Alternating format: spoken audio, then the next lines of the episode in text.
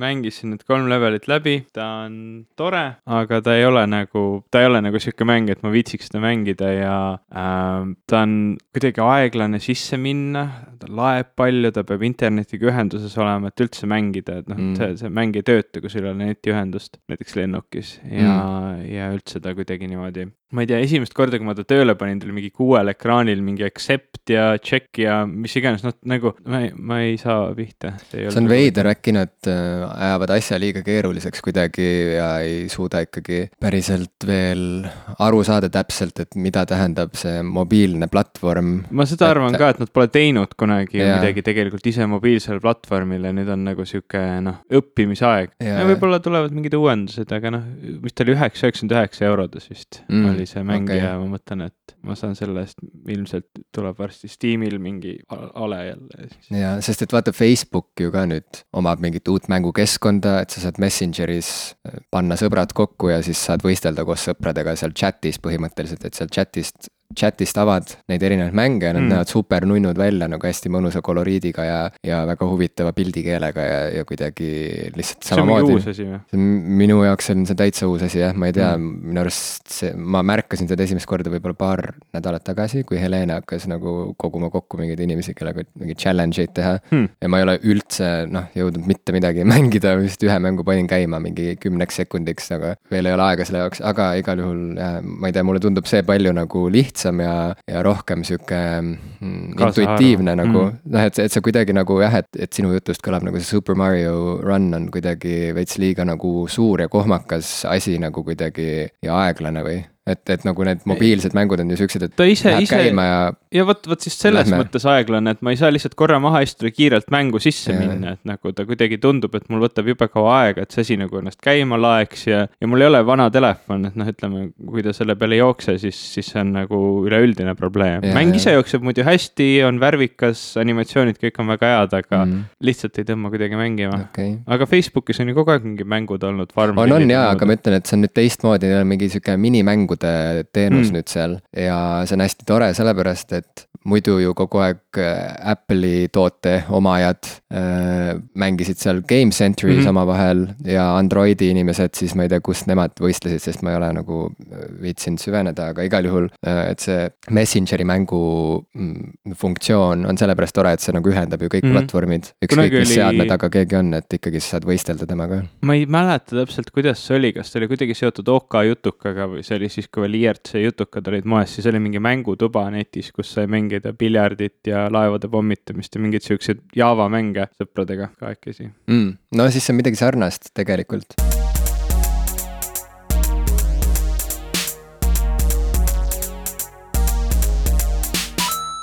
tere, minu nimi on Ivo Krustok. tere, minu nimi on Jim Mashilevi. ja te kuulate podcast'i nimega. pop, pop, pop, pop, pop, pop, pop, pop, popkultuuristid.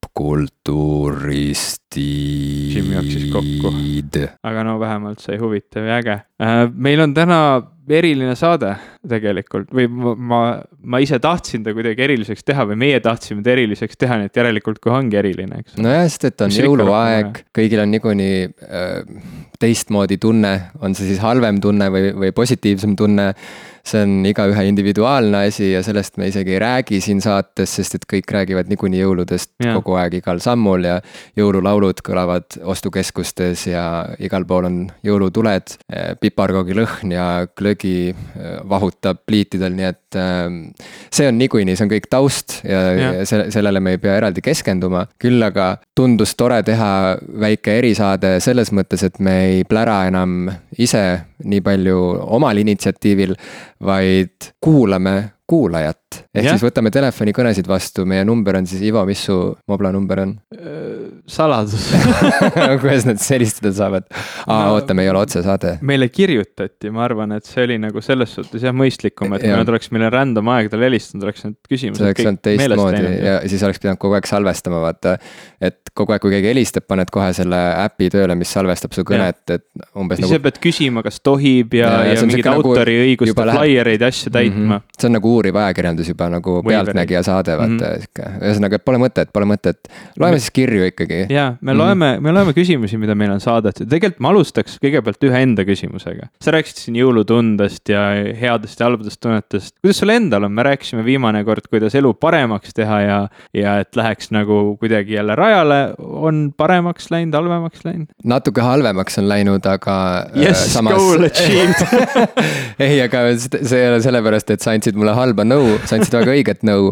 ja kes ei tea, millest jutt käib, siis kuulake meie eelmist osa, kus ma palusin Ivolt nõu, kuidas elada, sest et ma vist enam ei oska õigesti elada. aga lootust on selles mõttes, et äh, see kõik on teinud mind ikkagi kogu aeg üha targemaks ja aina selgemaks saab, mismoodi on võimalik elada ja mismoodi on ka võimalik elada, aga on ilgelt halb elada. nii et. sa praegu kompad neid variante, et näha, et kus on nagu halvem näha, või, või nagu mis piirid see- on. ma tahan, et, et millal põhi kätte jõuab mm. -hmm. mind huvitab nagu see, et kui sügav see kaev on ikkagi see alla, allakäi-, allakäigukaev, tegelikult öeldakse allakäigutrepp, aga ühesõnaga, mina olen mingi allakäigukaevas. ämbripõhi on ka kuskil. sügav ämber, kuule, kui ämber on nii sügav, et tundub nagu ta oleks põhjatu, kas see on siis ämber või toru? oleneb, see on küsi-, minu küsimus sulle. kas tal ikkagi kunagi on põhi? sa ei tea, seda on raske mõõta, eks ole, ta on nii sügav, kas see sõltub sellest, et. kui seal kuskil, kuskil ikkagi on põhi, siis ta ikkagi on ämber või? ma arvan, et ämber on tööriist ja toru on ka tööriist, tal on erinev funktsioon. ütleme, sa jaotad, kas tegu on ämbri või toruga tema funktsioonile vastavalt mm. -hmm. mõned torud, eks ole, on ka nii-öelda sellise tupikotsaga. Mhm. aga siis ta nagu ei täida enam väga toru funktsiooni, ta, ta noh, kas ta siis muutub ämbriks, ei, sest ämbril on oma funktsioon, ämber on vee tassimiseks ühest kohast teise mm. -hmm. ja Mhm. kui see ämber vett peab ja, ja ei lase seda uuesti välja, sa saad ühest kohast täita ja transportida teise kohta ja siis seal kasutada mm, -hmm. siis ta on ämber mm. -hmm. kui Mhm. see on selline pikk toru, mille ühest otsast saab vee sisse lasta, teisest otsast välja, ta täidab seda funktsiooni, siis ta on, siis ta ongi toru, et ma, ma ei noh mm, Mhm. -hmm. minu jaoks seal ei teki nagu küsimust mm. -hmm aitäh selle väga põhjaliku ja läbimõeldud vastuse eest.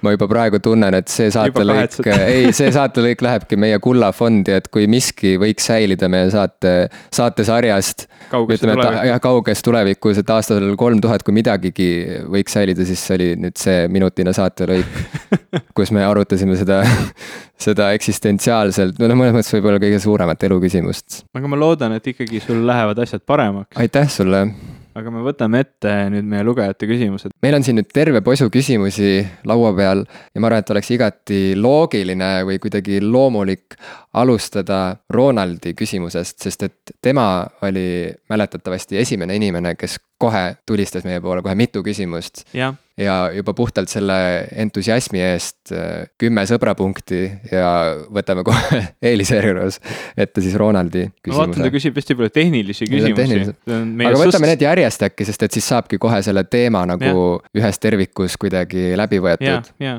täitsa nii et nõus. alustuseks, kuna need on sellised küsimused, millele tegelikult sina, Ivo, oskad paremini vastata, sest et see tehniline pool on kõik sinu vedada, siis mina esitan küsimusi ja sina vastad. no teeme nii, esimene küsimus, kuidas ja kus te saadet salvestate me salvestame seda minu kodus Tallinnas mm? -hmm. nii, kui kaua võtab salvestamine aega? salvestamine võtab tavaliselt aega kuskil kaks tundi. oot-oot-oot, aga vaata, siin ongi see teema, et salvestamine ise jah, võtab umbes paar tundi, aga kui nüüd võtta seda küsimust laiemalt, kui palju see eeltöö võtab aega, kui palju võtab aega see, et me leiame sobiva aja, millal üldse kohtuda, kui palju võtab aega see, et ma ühest linnast teise sõidan, kui palju logistika värk. see logistika, kui palju võtab aega see, et me arutame sinuga nädala jooksul neid erinevaid teemasid, saadame mingeid linke teineteisele ähm, üritame aru saada, kuidas see Patreon ikkagi toimib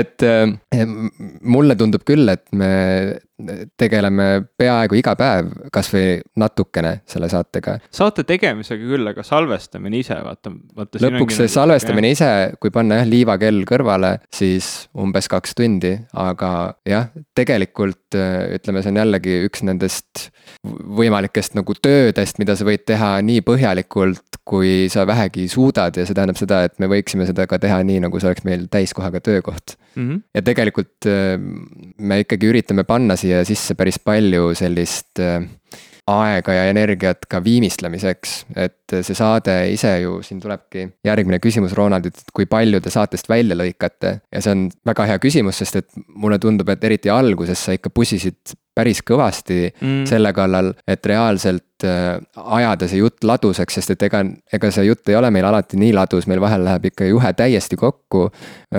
räägime mingit noh, täielikku nonsense'i, keel läheb sõlme, keegi kukub tooli pealt maha.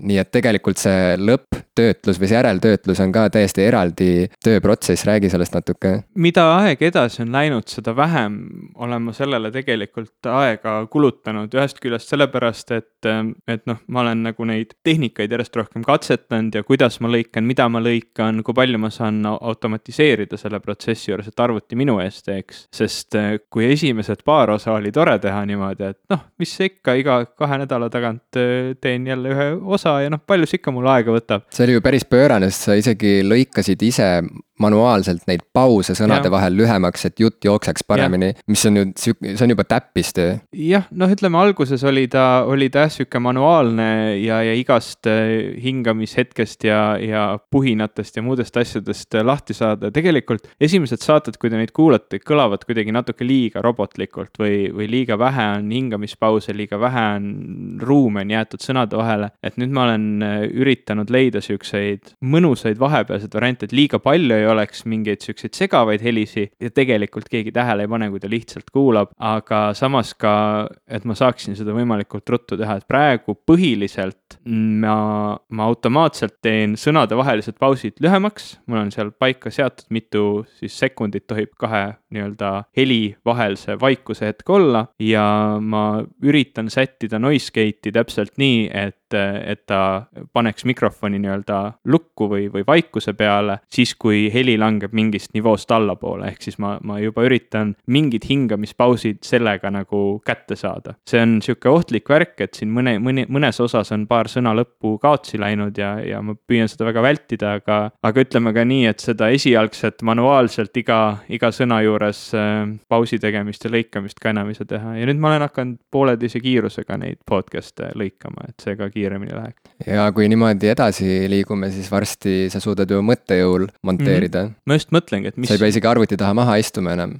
siis me saame juba nii, et me istume maha, salvestame kohe ideaalse saate. jah, laitmatu. ja see on ka paremaks läinud, et iga, iga kord on jälle nagu arengut näha, et, et me suudame rääkida selgemini, suudame natuke paremini seda oma häält kontrollida ja see on, see on hästi positiivne. ja, ja see tuleb puhtalt ainult kogemusega. kui nüüd sisust rääkida, siis tegelikult sellist reaalset sisu, mida tasuks kuulata, me väga palju välja ei lõikagi. sellepärast, et äh, me tavaliselt oleme noh, mingil määral ajaliselt ikkagi piiratud, me tuleme, istume maha, alguses on natuke sihukest jutuvadinat, mis tihtilugu on ka siuksed noh, et noh, tšau, kuidas läheb, aa, mis te seal tegite, mingi sihuke üsna.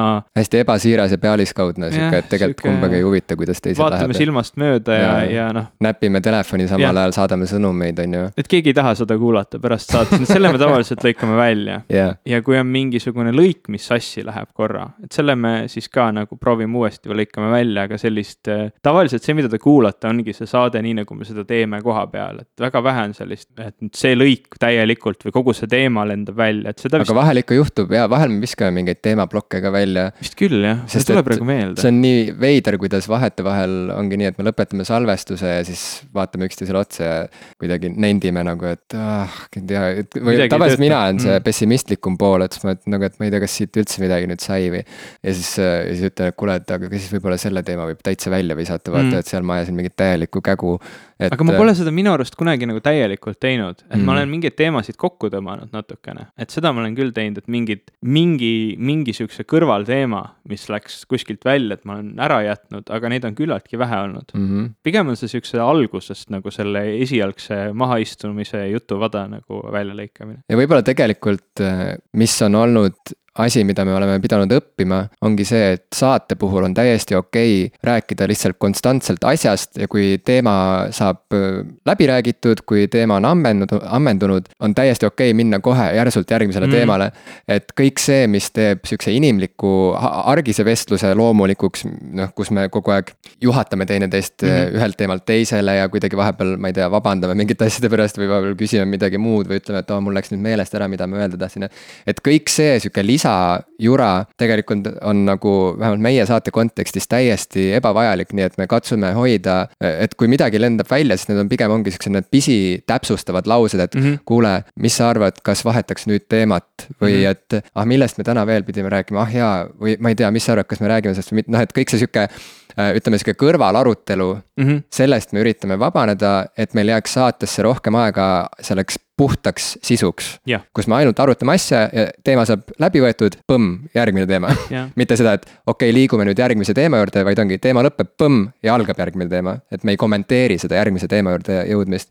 et see alguses tundus võib-olla natukene nagu järsk, noh, sest et mm -hmm. tavavestluses sihuke vestlusviis oleks väga järsk yeah.. aga saates see on täiesti loomulik ja noh, saated ju kõlavadki nii, kui neid selle, selle pilguga, selle pilguga kuulata hmm jah, no selles me oleme ka kuidagi nagu õppinud seda asja, sest sina mulle ju, ju päris alguse poole ütlesidki, et kuule, et sa ei pea nagu mingi hullult vaeva nägema, et lähme nüüd sujuvalt ühelt asjalt ja, teisele, vaid et noh, lõpetamegi ühe teema ära, alustame, sul oli sellega nagu rohkem kogemusi. nojah, see kogemus teletööga ja, ja raadiotööga mm., need on andnud mulle selle kaasa ja ma juhatasin ka sind sinna noh, professionaalse mm, -hmm. profe-, professionaalse raadiosaate tegija teele jah mm, -hmm. ja, ja täitsa hästi läheb sul, Ivo. ühesõnaga, kas saame aastavahetuseks blooperite episoodi, küsib Ronald. Pole vist neid bloopereid väga, nagu ma ütlesin. meil see, tegelikult see on küll, ma arvan, nüüdseks ma arvan juba kogunenud igast naljakaid asju, ma olen täiesti kindel, meil iga kord läheb midagi väga naljakalt ma sõnastan ümber, ma ei viitsi neid lindistusi nii palju läbi kammida no vot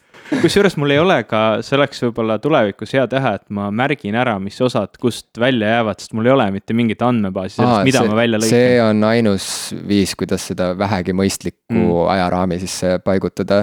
sest ja. mul on nii-öelda alglindistus, see RAV, mis mul tuleb välja sealt lindistusprogrammist ja siis ma hakkan teda töötlema ja ma lõikan ta valmis ja see, mis sealt välja läheb, see lihtsalt, ma kustutan ta ära, ta on seal algfailis olemas, aga nüüd ma peaksin täpselt teadma, mis, mis nende kahe faili vahe on, nii et mm. -hmm ma ei usu, et me hakkame tegema mingit hullu. me paneme blooper'id tavaliselt algusesse. jah, tavaliselt ongi nii ja mm, -hmm. ja Ronald küsib veel, kas muna või kana? see on ka mulle no,. Ähm, evolutsioon on selline protsess, kus äh, sa ei saa nagu tõmmata kahe liigi, ütleme vahele väga selget joont, et see on niisugune graduaalne protsess, kus üks liik areneb kogu aeg mingis suunas. Ja kui me mõtleme sellele, et kana pidi sündima kanaeellasest, eks ole, et, et oli mingisugune lind, mida me tänapäeval, kui me võtaks ta kätte, kui, kui ta eksisteeriks ja vaataks teda, et me arvame, et ta ei ole nüüd kana, eks ole, et see, mida meie, see liik, mida meie nimetame kanaks, on nüüd ühel käel ja see, kellest kana arenes, on teisel käel, et me oskaks selle vahe ära tõmmata, et jah, et siin on kana ja see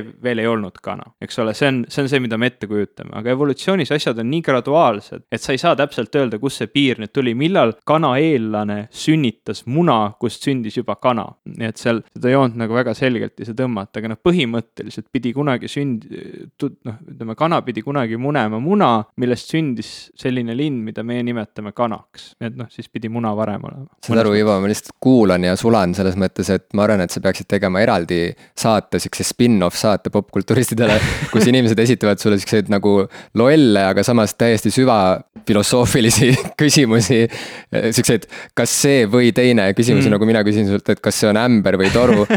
ja lihtsalt ongi, et sa istud seal mikrofoni taga taga ja vastad nendele küsimustele täpselt nii põhjalikult, nagu sa praegu nendele kahele süvafilosoofilisele küsimusele oled vastanud okay., see on super kõva. ma ise tundsin, et kuidagi nõrgaks siis vastus, aga okei okay.. aga sa oled väga nõudlik enda suhtes, liigume edasi. Johannes küsib äh, lühikeses küsimuses väga palju asju. vastame kuidagi nii, et tulistame lihtsalt äh, täiesti üle mõtlemata ja nagu, sest muidu läheb juhe kokku ja muidu mm -hmm. see saade venib viietunniseks kusjuures seda, seda sarnast küsimust on, on teised ka küsinud, võib-olla natuke teise nurga alt vaatame, kui me nende teemadeni jõuame, kas me täpsustame, aga see on võib-olla tõesti sihuke tulistamise küsimus. lihtsalt tulista, ilma mingisuguse analüüsita, kui tahame midagi, mingi emotsionaalse röögatuse juurde panna, siis on okei okay,, aga analüüsi ei lasku, nii. Jim, mis on sinu top raamatud? okei okay, ähm,, kohe, oota ah,.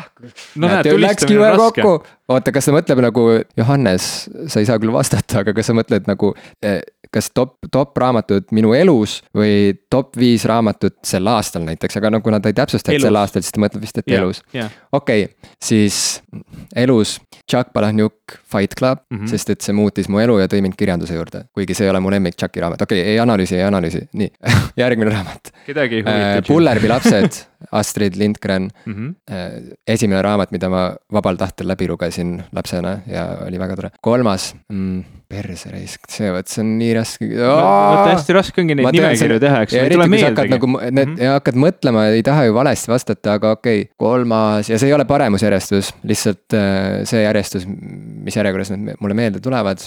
Aga kolmas, Bret Easton Ellis Glamorama, võib-olla kõige kõhedam, külmem raamat, mida ma olen lugenud. neljas raamat, viis tundub kuidagi jube palju, eks ole, raske. väga karm mm,, tema on näiteks mitu korda lugenud. Johannes, näed, kui raske on, kui sa sihukese küsimuse kirjanikult küsid. siia me jääme, Johannes, sa lihtsalt aitäh. nagu tegid mulle lõpu peale, meil on vaja puhkust nüüd, Ivo, järgmist, me vist pühade ajal rohkem saateid ei tooda. ma teen õhtusöögi vahepeal valmis. okei, sorry, ma tõmban käima uuesti selle.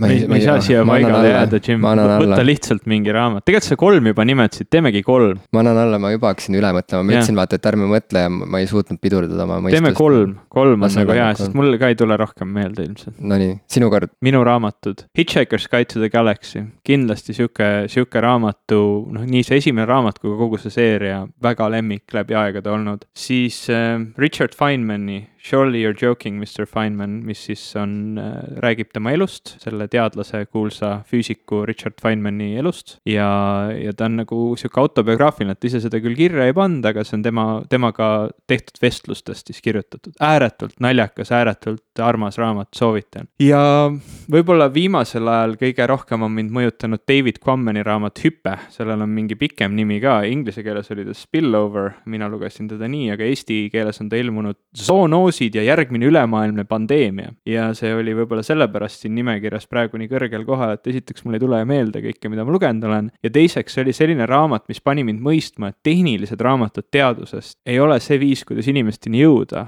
vaid kui sa tahad teadusest kirjutada, siis kirjuta inimestest kirjuta seda läbi inimeste, kirjuta seda läbi sellise narratiivi ja see on David Quammani hüpe on sihuke raamat, mida ma kujutan ette, et sa ei pruugi üldse huvituda zoonootilistest haigustest ehk siis haigustest, mis inim-, loomadelt kanduvad üle inimestele. sa ei pruugi huvituda viroloogiast või haigustest, pandeemiatest, aga sa võtad selle kätte ja see raamat räägib sinuga. ta on National Geographic ajakirjanik, väga hea raamat. vägev, sa vastasid nii palju ladusamalt ja normaalsemalt sellele küsimusele. vaata, ma ei, raamatud ei ole minu elus nii sügavalt tähtsal kohal võib-olla. ja, ja mul ikka nagu aju läks katki korraks, okei okay,, järgmine äh, top viis filmid. kas seekord teen sul mina on mootor soe, sina tulista top kõigepealt. viis filmid um,, A New Hope ilmselt on seal kohe päris alguses Star Warsi neljas osa, esimene film, mis tuli uh,. see on kindlasti väga kõrges, kõrges aus minu elus olnud. ma paneks siia otsa kohe jälle ka Back to the Future esimese filmi ja Indiana Jonesi esimese filmi, need on olnud siuksed, ma nagu jällegi, need ei ole väga siuksed tiibid, sügavad inimese elu muutvad filmid võib-olla, aga nad on täpselt see, mida ma filmist ootan, seiklus, sihuke äge lugu, midagi, mis viib mind kuhugi teise maailma, paneb mõtlema kuidagi teise nurga alt. Need on võib-olla kolm sihukest kõige ägedamat filmi. okei okay., ja enne kui ma filmide juurde jõuan, ma vastan siis, et äh, Douglas Coplandi J-Pod raamatutest veel, mul jäi kaks raamatut mainimata Mm. sest et Douglas Copeland on samamoodi minu noh, tõesti elu lemmikkirjanik, keda nagu noh, jällegi muutis mu elu, on ju, tegi minust selle kirjaniku, kes ma täna olen. ja noh, kui, kui sa oled lugenud mingi kirjaniku kõiki teoseid või peaaegu kõiki, siis on hästi raske vaata aru saada, et nagu, et kust ma milline mm? -hmm. ja aga noh, kui ma pean ütlema, et Copelandi loomingust ta on tuntud Generation X-i poolest, sest et see pani ta nagu, see tegi temast siukse nagu maailma nime Mm -hmm. ja noh, saad aru, tema andis sellele põlvkonnale nime, X-põlvkond, see tuli tänu sellele, et ta kirjutas romaani pealkirjaga Generation X, tema küll võttis selle nime sotsioloogide mingisugusest uuringust, on ju, aga tema romaan populariseeris selle termini. ühesõnaga, aga ma ei ütle Generation X, see, selle, ma ütlen J-pod okay., sest et see on kõige lõbusam, kõige mu- muhedam, muretum romaan, mida ma olen elu sees lugenud, vormiliselt väga sürr sa oskad seda mulle jube hästi maha müüa praegu. ma saan sulle laenata seda ja, ja nüüd filmidest, mul on Jah. üks raamat mainimata, võib-olla tuleb, võib-olla ei tule, aga meil on, filmidest meil on neid lugemisküsimusi veel, Ja, ja. jõuame. Top viis filmid jällegi Fight Club, Rules of Attraction mm,, äh, Lost in Translation alati. kirjut-, kirjutaks sellele ka alla, väga hea film. põlvitan selle pil-, filmi ees äh,, iga kord läheb nii hinge, isegi kui vaatan, ma ei tea, viieaastaste vahedega. neljas film mm, tead, kummaline on see, et mulle väga-väga meeldib see ameeriklaste remake Jaapani horror-filmist The Ring mm. -hmm. ma olen seda hästi mitu korda vaadanud ja harilikult need äh, lääne remake'id on äh, veidi siuksed nagu, mis ma oskan öelda, nagu no lihtsalt veidi siuksed ümaramad ja ebamäärasemad, on ju, et nad ei, nad ei ole enam nii stiilipuhtad ja kuidagi nagu teravad, nagu on originaalid. aga selle teose puhul jällegi ma ütleks, et ma eelistan seda Ameerika varianti, sest et see on nagu, seal on mingi tohutult huvitav meeleolu ja sihuke atmosfäär, mis kehtestub ja mulle meeldib, meeldivad paljud asjad seal. sa oled mõlemat vaadanud? jah, jah. Mhm, okei. Äh, ja viis, number viis, tegelikult see peab olema midagi Tarantinolt. ja mm -hmm. vaata, sellega on jällegi niimoodi, nagu on kõikide nende lemmikkirjanikega, et kui ma olen näinud kõiki teoseid, kui ma olen lugenud kõiki teoseid.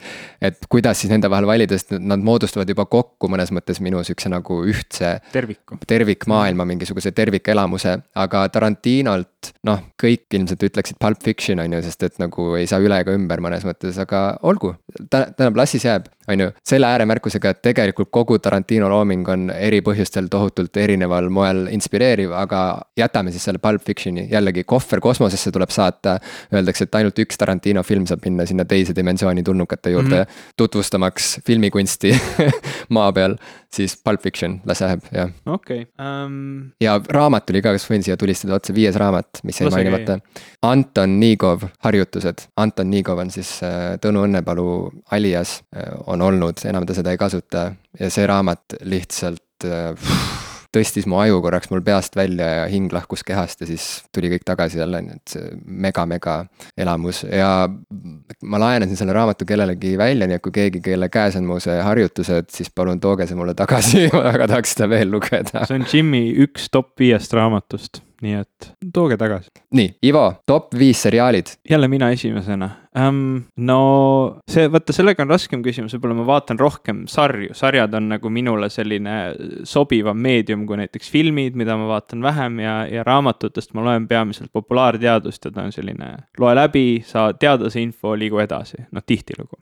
aga sarjade puhul ma ütleks, et äh, ma teen jälle kolm ja mõtlen nagu sihuke animasari, näiteks üks neist peaks olema mingi animasari ja siin on väga raske seda, et noh, Simsonid on võib-olla kõige sihukesem läbi aegade tuntum, äh, võib-olla kõige olulisem animasari, aga mulle rohkem meeldib Futurama, nii et ma panen siia Futurama mulle alati väga-väga meeldib, kui inimestel on siuksed nagu off-center nagu siuksed nagu äh, eelistused, noh näiteks vaata. no olgem kui... ausad, ma ei ütelnud ka siia mingi tundmatu Jaapani anime, eks ole, see ei olnud nagu nii off-center, Futurama on ikkagi levinud vastus. ei no selles mõttes, et vaata Simpsonid on see peatee mm -hmm. ja Futurama väga selgelt on sihuke nagu kõrvalharu mm, -hmm. pisike sihuke külavahetee mõnes mõttes, kuigi see ka ju noh, on väga populaarne mm. animasari olnud ja nii edasi, aga noh, Simsonitega seda edu ei anna ikkagi võrrelda, on ju, ja seda, ka seda kestvust aga, aga noh, see on väga kihvt, ma, mulle väga meeldib, et sa eelistad Futuramat. kui ma võtaks nüüd minu lemmik äh, sihukese nii-öelda mittefiktiivse sarja, ehk siis mingi sihukese populaarteadusliku või sihukese päriselu sarja. Nendest üks kolmest võiks olla siis üks sihuke päriselu sari, eks ole. et see on Müüdimurdjad. müüdimurdjad on selline sari, mida ma olen korda, korduvalt vaadanud äh, ja, ja ma olen sealt väga palju õppinud ja see on mind väga palju inspireerinud, ütleme laias laastus ma olin väga kurb, kui Müüdimurdjad murded lõpuks lõppesid, see oli ka arusaadav, nad olid väga pikalt käinud ja kõik nende osad polnud enam nii huvitavad, aga tõesti, ma mäletan, see viimane hooaeg oli selline celebration, kus nad nagu vaatasid üle kõik, mida nad olid teinud ja rääkisid sellest protsessist. Ja see oli väga sihuke emotsionaalne vaatamine, et, et müüdimurdjad on kindlasti üks minu top kolmest. Ja nüüd, kui ma peaksin valima mingisuguse, kui ma, ma vaatan väga palju ka komöödiasarju ja nüüd tekib see probleem, et enamus komöödiasarjad on päris head, sihuke mõned hooajad, et alguses alguses ta nagu ei saa päris vedama, siis ta on hea ja siis ta kestab veel mingi kolm-neli hooaega, kus ta enam ei ole nii hea, aga sa vaatad ikka, sest noh, vahel on mõni hea nali. ja, ja kui ma võib-olla kunagi oleks siia komöödiasarjade sekka pannud Friends või Sõbrad, siis ma ei saa seda mitte kuidagi teha, sest ma olen selle enda jaoks ära leierdanud, ta ei ole enam aktuaalne, ta ei ole isegi enam niivõrd huvitav, need karakterid on muutunud tüütuks. Mm.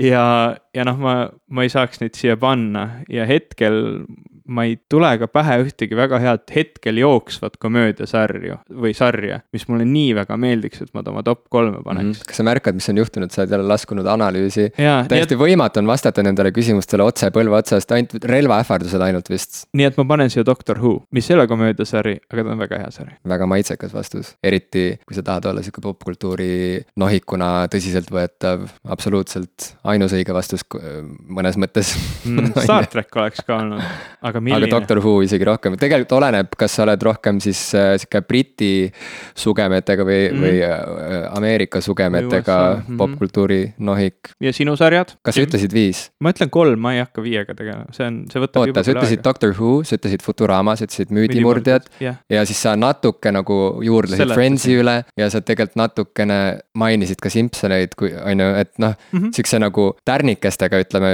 nagu Mhm. teatud tingimustel tegelikult tuli viis okei okay,, teeme nii. sest et vaata, see ongi alati keeruline, et kui sa ütled, et mingi asi on olnud oluline sulle ja võib-olla ta on väga-väga oluline olnud, aga kui sulle praegusel hetkel tundub see öö, olevat nagu oma aja ära ela- elanud, et siis kas on õige öelda, et tegelikult mm -hmm. su elu mhm, mhm. plaanis, elu suuremas plaanis tegelikult see ikkagi kuulub sinna toppi, mis sest, et sa praegu enam, et see enam ei kõneta sind või, või ei kuulu, vaata. et kas sa võtad seda konkreetselt praeguse hetke mätta otsast, mis tegelikult tundub natuke vale, või sa võtad seda nagu üleüldse nagu top viis of all time, on ju, et siis ju tegelikult ikkagi on Friendsil ja Simsonitel ka oma koht seal. kindlasti No ja ütleme nii, et Johannes küsis viis, aga ma tõlgendan seda nagu, et, et ma räägin sihukesest mõnest asjast, mis mulle kohe pähe tuleb ja mis mulle on meeldinud, et yeah. Ma, ma ei saaks öelda, et ükski nendest asjadest oleks nagu kindel, kui ma peaks maha istuma, analüüsima, kõr-, kõrvutama, et see oleks minu elu top. jaa, aga Et et samas no,, aga ma räägin mingist kolmest kuni viiest Jaa. asjast siis. aga sellel on oma põhjus, miks see on esimene asi, mis sulle nagu pähe tuleb, kui Kindlasti, küsitakse jah.. et see näitab midagigi,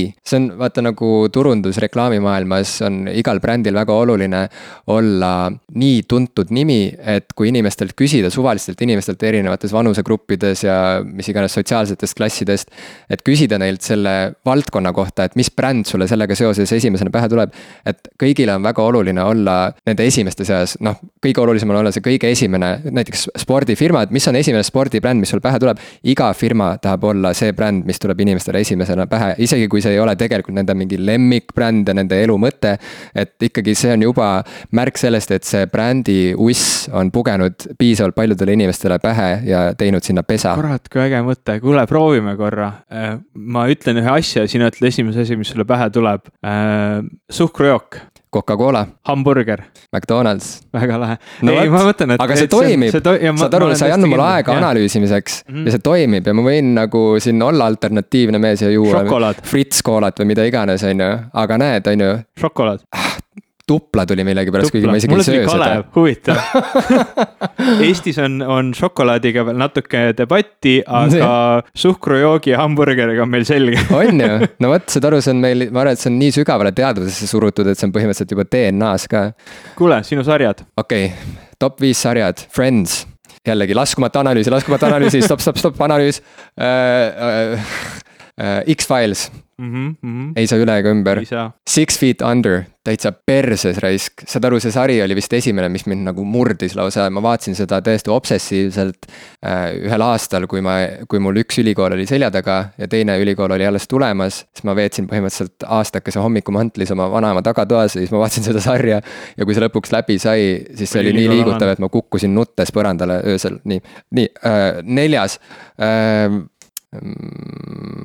Päästekooli kell okei, Päästja väga koolikell. huvitav, väga huvitav. päästekoolikel, kuidas on võimalik üldse mitte ja. öelda päästekoolikel? nüüd mul tuleb terve hulk neid nii-öelda lapsepõlvesarju tuleb nagu ja, ja. jooksuga põmdi pähe, mis, mis kõik oleks vaja ära nimetada, aga jätka., ja viies. Jim hakkas analüüsima. ja ei, ma ei hakka, viies, okei okay. ei, saad aru, ma pean võitlust praegu enda sees, üks nimi tahab tulla suust välja, mida ma hoian jõuga tagasi. sest mul on olnud väga konfliktne suhe sellega ja sa tead tegelikult, mis seriaali ma silmas pean, sest et ma olen jälle küsinud sult nõu, et kuidas üle elada seda Mhm, kriisi mhm. seoses selle sarjaga. võtame võib-olla esimesed kolm hooaega siis. aga oot, oot, oot, tahan midagi selle asemel öelda. A-rühm on see, mis sul nii palju konflikti tekitab. ei, oota, ei, ei. South Park, okei, jaa Mhm. South Park, jällegi uskumatu täiesti, et äh, ma mäletan, kui ma esimest korda kuulsin South Park'i kohta, ma sõitsin kooli, ma arvan, ma käisin võib-olla kas viiendas või kuuendas klassis.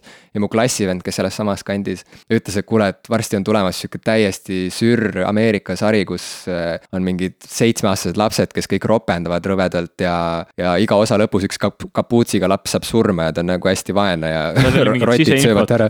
ja, ja, ja et see tuleb varsti TV3-e ja ma olin nagu what, vaata ja siis lõpuks tuligi TV3-s see esimene osa, mis mul on alatiseks meeles, vaata mm., kus, kus Cartmanil tulnukad paneb, peidavad satelliidi talle perse ja siis mm. lõpuks tuleb välja, eks ole, et mm.. ja no see on uskumatu, et noh, ma olin see väike, väike koolipoiss bussis hommikul teel kooli, kui see sari tuli ja USA inimesed juba teadsid seda ja nüüd ma olen täiskasvanud inimene, ma olen ühe lapse isa, on ju käin tööl ja värki ja endiselt see sari kõnetab ja endiselt see on päevakajaline.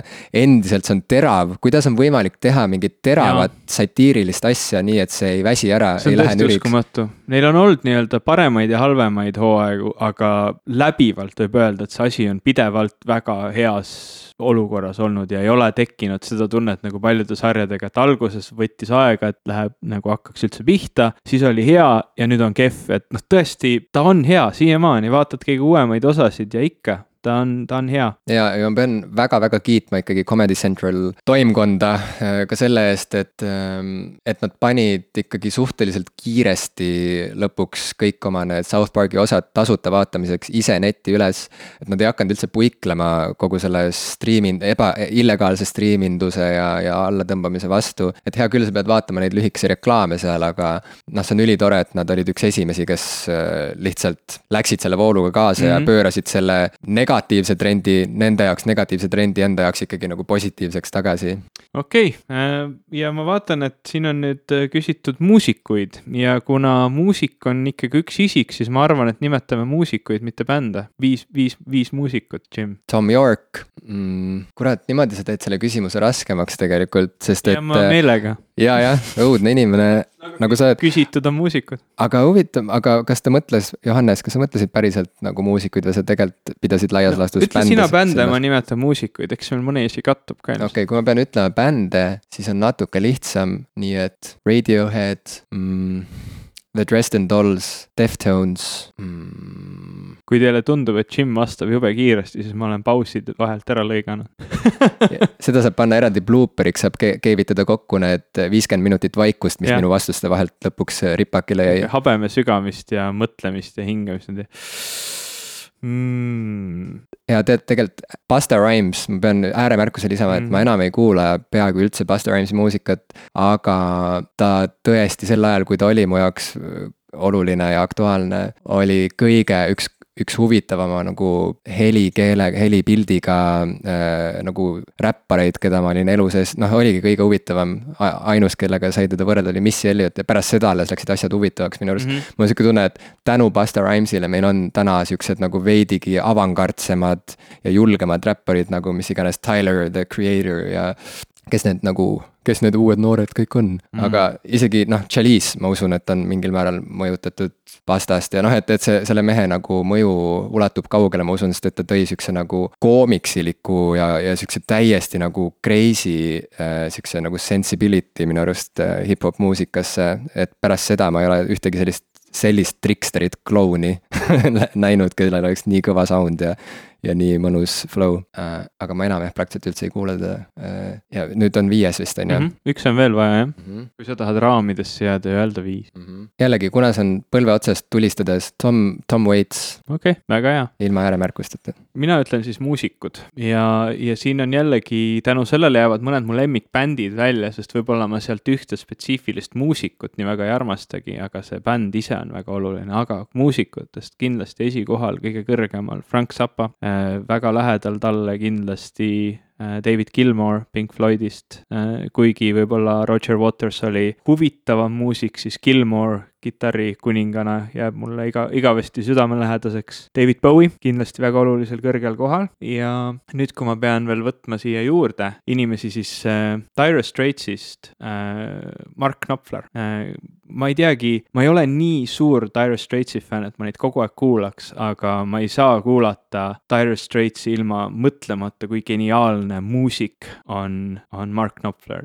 ta, ta kitarrisoolod on lihtsalt ääretult võrratud ja ma arvan, et ma ütlen siia ka Vaiko Eplik Eestist keegi siis esindatud oleks mm. -hmm. mitte ainult sellepärast, et ta on Eesti kohta hea, vaid Vaiko Eplik lihtsalt ongi väga-väga hea muusik mm. -hmm. ja minu elus väga olulisel kohal olnud. ja kuna ei ole pääsu sellest, et juhe läheb kokku ja lõpuks tahaks, jääb sada asja kripeldama, siis ikkagi, kui ma ei mainiks ei oleks maininud Busta Rhymesi ja Tom Waits'i, keda ma kumbagi tegelikult väga tihti ei kuula mm, -hmm. praktiliselt üldse ei kuula, ma ei tea, miks nad tulid pähe, noh, Busta tuli nagu nostalgilistel põhjustel, siis ikkagi, kui võtta nagu aktuaalsemalt, mis päriselt mul nagu vere kehas ringi paneb käima, siis Deer Hunter ja PJ Harvey läheksid mm -hmm. nende asemele, kes on endiselt mulle väga-väga relevantsed. ma arvan, et me oleme selle pika küsimusega lõpetanud ja ma võtan kohe järgmise Karl küsib meilt, kas jõuluvana on päriselt olemas ja kui, kui ei ole, siis millal enam ei olnud? Jim, väga, väga sihuke hingeline küsimus, väga oluline küsimus praegusel jõulueelsel ajal. jõuluvana ei ole päriselt olemas ja teda, millal enam ei olnud, ei olnudki kunagi. ahaa, ma vaidleks vastu selles osas, et mina ütleks, et jõuluvana on, on, on olemas ja, ja ma arvan, et see mõte selles on, on,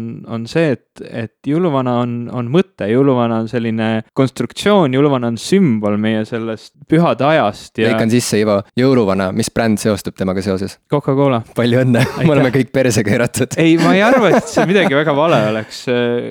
ma ei saa küll Coca-Colat väga juua, sest ma ei joo gaseeritud jooke, mis on nõme, sest ma tahaks tegelikult Coca-Colat juua, eriti jõulude ajal. raputa klaas välja ja joo niisama. ei ole hea kogemus olen proovinud aga aga tähendab, ühesõnaga, kui me nüüd selle Coca-Cola kõrvale jätame, ma tean, et seda on raske teha, eh, siis, siis minu jaoks nagu jõuluvana kui selline sümbol sellest, et, et me justkui ei tahaks lihtsalt öelda, et me anname teisele inimesele kingituse sellepärast, et ta, ta on tore inimene, me tahame talle kingitusi teha. et noh, kui me nagu oleme natuke häbelikud ja ei taha lihtsalt inimese juurde minna ja näed, et palun, see on minult ja ma tahan selle sulle anda, sest sa oled äge inimene. ja siis peame sinna juurde ütlema, et noh, et jõuluvana tõi ja tegema sihukese väikse kelmika naeratuse ja silmapilgutus, et minu arust on see ka lahe ja, ja noh, see lastele kogu sellise suure mü müütose ülesehitamine, et, et äh, jõuluvana tuleb ja teeb, et noh, seda ma nagu väga ise ei soosi. aga midagi on selles jõuluvana meemis, mis on toredat ja sõbralikku ja armast ja minu meelest nagu see, see meem igatahes on meil kultuuris olemas. sa tahad öelda, et jõuluvana on meem? jah, füüsi-. ma juba kujutan ette, et kui sa kunagi saad isaks, kuidas sa siis oma lapsele selgitad, et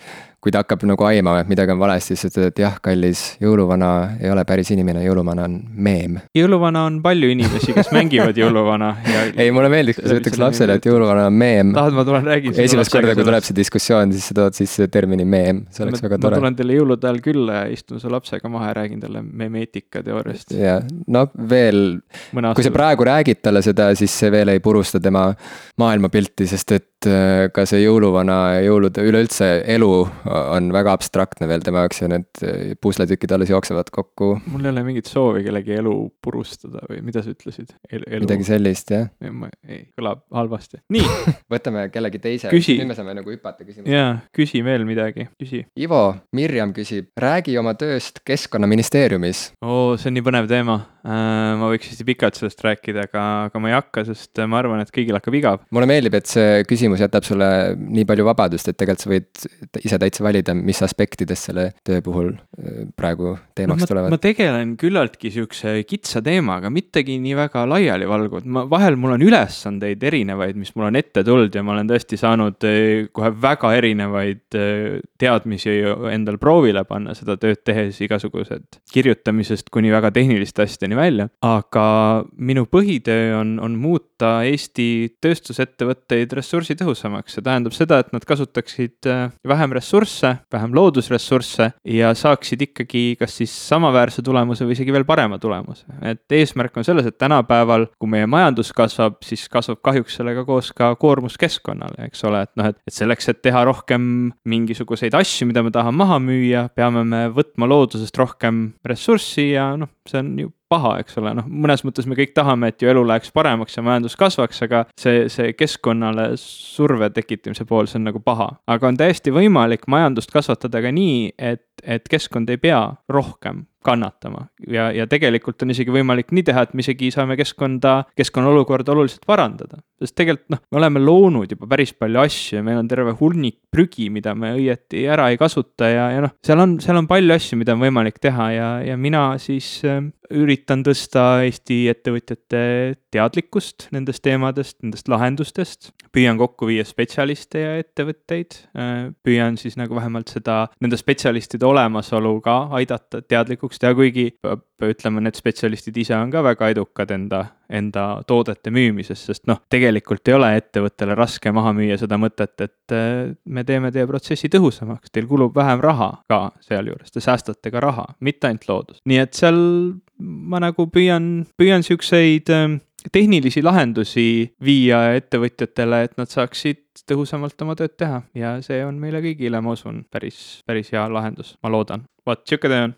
kui eelmine küsimus oli otse mulle suunatud, siis ma küsin nüüd otse sulle suunatud küsimuse, Jim, missugune on näitlejate lavanärv, kas see on kuidagi teistmoodi kui mittenäitlejatel, see on ka Mirjami poolt? tegelikult, kui aus olla, siis suurem osa näitlejaid, kellega ma olen sel teemal rääkinud või keda ma olen kõrvalt näinud tööd tegemas, on ikkagi ilged põdejad. Ja selles mõttes see on naljakas, kuidas ja samas igati arusaadav, miks inimesed ikkagi arvavad, et näitlejad pigem on jube head sotsialiseerujad, jube head esinejad, ühesõnaga, et, et nad et nad just nagu oleksid vähem häbelikud kui keskmine inimene mm, -hmm. aga minu kogemus pigem tõestab vastupidist, et nad on väga häbelikud ja põevad väga enne lavale minekut, et no, et nii mõnigi legendaarne näitleja on hiljem oma memuaarides öelnud, et see hetk enne lavale minekut on lihtsalt nii jube, et tegelikult tahaks, et etendus jääks lihtsalt ära, no minu, mina ei ole seda päris niimoodi tundnud küll, aga kui on mingi keerulisem lavastus, siis tõesti, mul on nagu alguses sihuke tunne, et kas tõesti või kas me tõesti lähme praegu seda tegema. näiteks Vanemuises Otello, mida ma praegu veel mängin, no see on ikka korralik maraton selles mõttes, et see, ma ei saa minna sinna lavale niisama, noh nagu, et tõusen äh, diivanilt püsti ja lähen. jooma paar pitsi viina enne või mis see tähendab? ei, ma pean käima jooksmas ja ma pean okay. Äh, enne, tegema hääle korralikult soojaks, ma pean oma mõtted viima nagu õigele lainele ja ikkagi see hetk, kui ma pean lavale astuma, see on sihuke tunne, nagu hakkaks jah, slaalomit sõitma võib-olla, noh, ma ei ole ka tegelikult slaalomit kunagi sõitnud, aga, aga nii palju, kui ma olen telekast näinud, mulle tundub, et see võiks olla midagi sarnast, et ühesõnaga, et mingi pall hakkab veerema, on ju.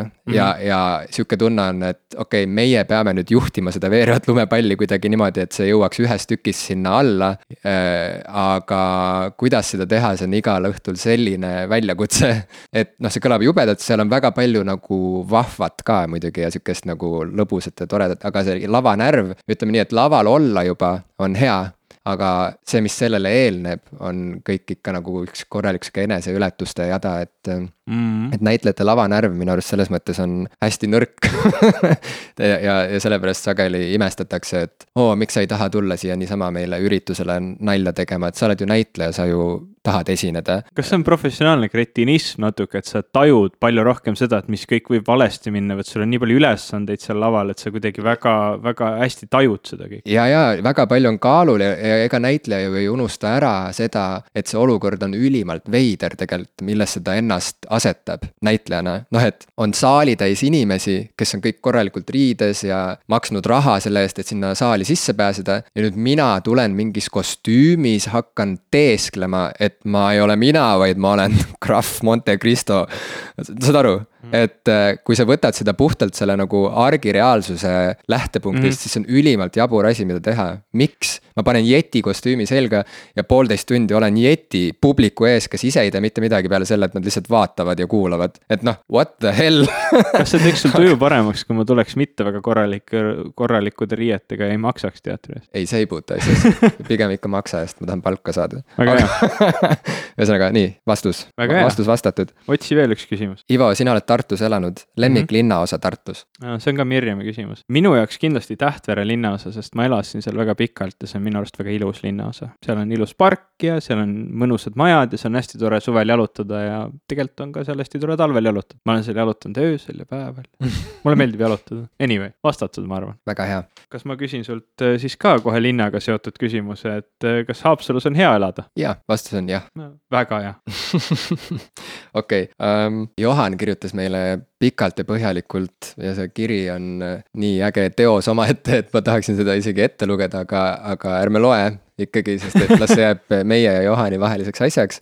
aga põhimõtteliselt Johan räägib sellest, et äh, teda väga hämmastab see, kui inimesed äh, teavad, et nad ei tea mingisuguseid üliolulisi popkultuuri nähtusi või liikumisi ja praktiliselt justkui puiklevad jõuga vastu sellele, et nendega ennast kurssi viia, näiteks et kui inimene ei ole näinud Star Warsi, et ta siis nagu lausa jõuga boikoteerib seda et, et see on okei okay,, kui see teos talle ei meeldi, aga, aga miks sa ei taha seda ikkagi siis nagu ära vaadata, kasvõi, kasvõi selleks, et nagu aru saada nendest tsitaatidest, mis on igas teises teoses olemas sellest tüvitekstist, eks ole.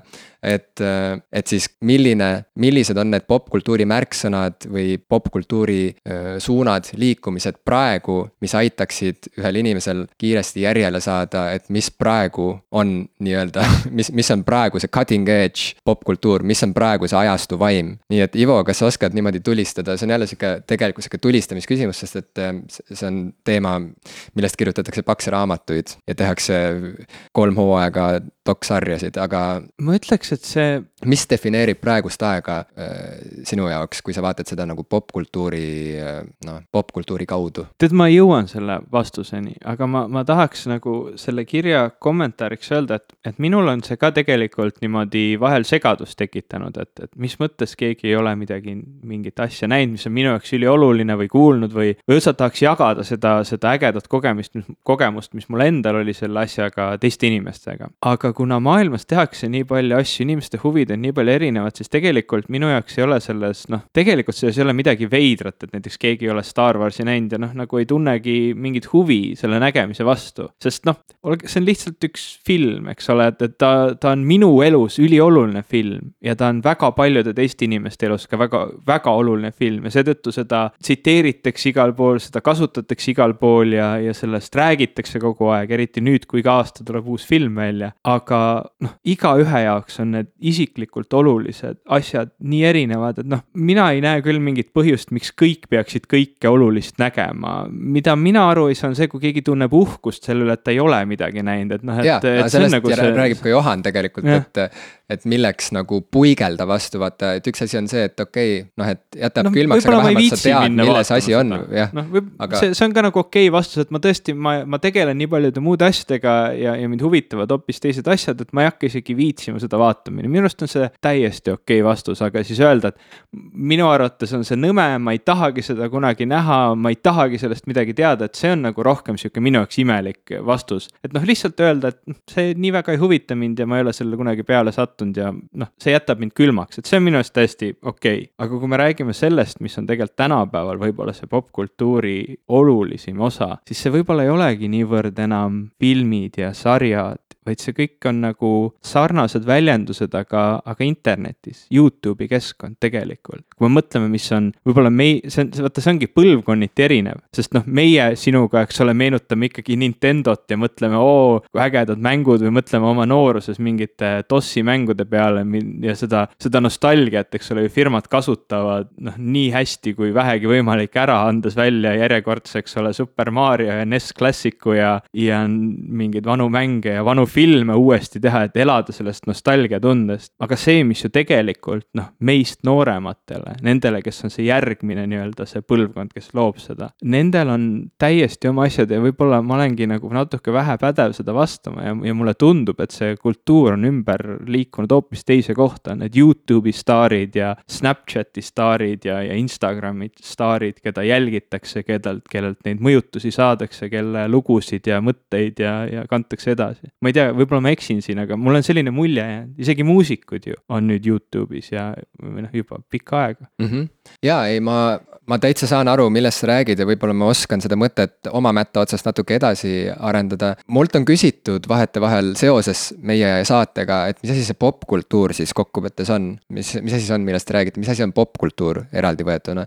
ja ma olen vastanud, kõige lihtsam vastus, mis ma olen suutnud välja mõelda, on see, et popkultuur on kultuur, on ju, aga popkultuur on kultuuri kõige, kõige väljapaistvam osa selles mm -hmm. mõttes, et mitte väljapaistev, et kõige parem, mitte kvalitatiivses mõttes või kuidagi, vaid see, mis on kõige nähtavam osa kultuurist, ehk siis see on see osa kultuurist, millega on kursis isegi need inimesed, kes ei tea, et nad on kultuuriga mingil määral üldse kursis mm, -hmm. saad aru mm. -hmm. inimesed, kes ei, kes ei pühenda oma päevades eraldi aega sellele, et uurida, mis toimub meie kultuuris, kui isegi need inimesed on kuulnud sellest asjast, nagu näiteks Star Wars on, ütleme kindlasti mm -hmm. sihuke asi või Simpsonid, para-, simp-, noh, inimeste vanavanemad, vana-vanavanemad isegi on ju, mhm. äh, tegelikult nagu on kasvõi mööda minnes kuulnud pealkirja Simsonid, et see on popkultuur mm. -hmm. see ja, ja, ja tegelikult äh, selles mõttes ongi see kult-, popkultuuri ja kultuuri erinevus veel edasi minnes, see seisneb selles, et kultuur on rohkem nagu see vundament, mulle tundub, see, mis nagu tekib ajaga, mis tekib kiht kihi haaval natuke nagu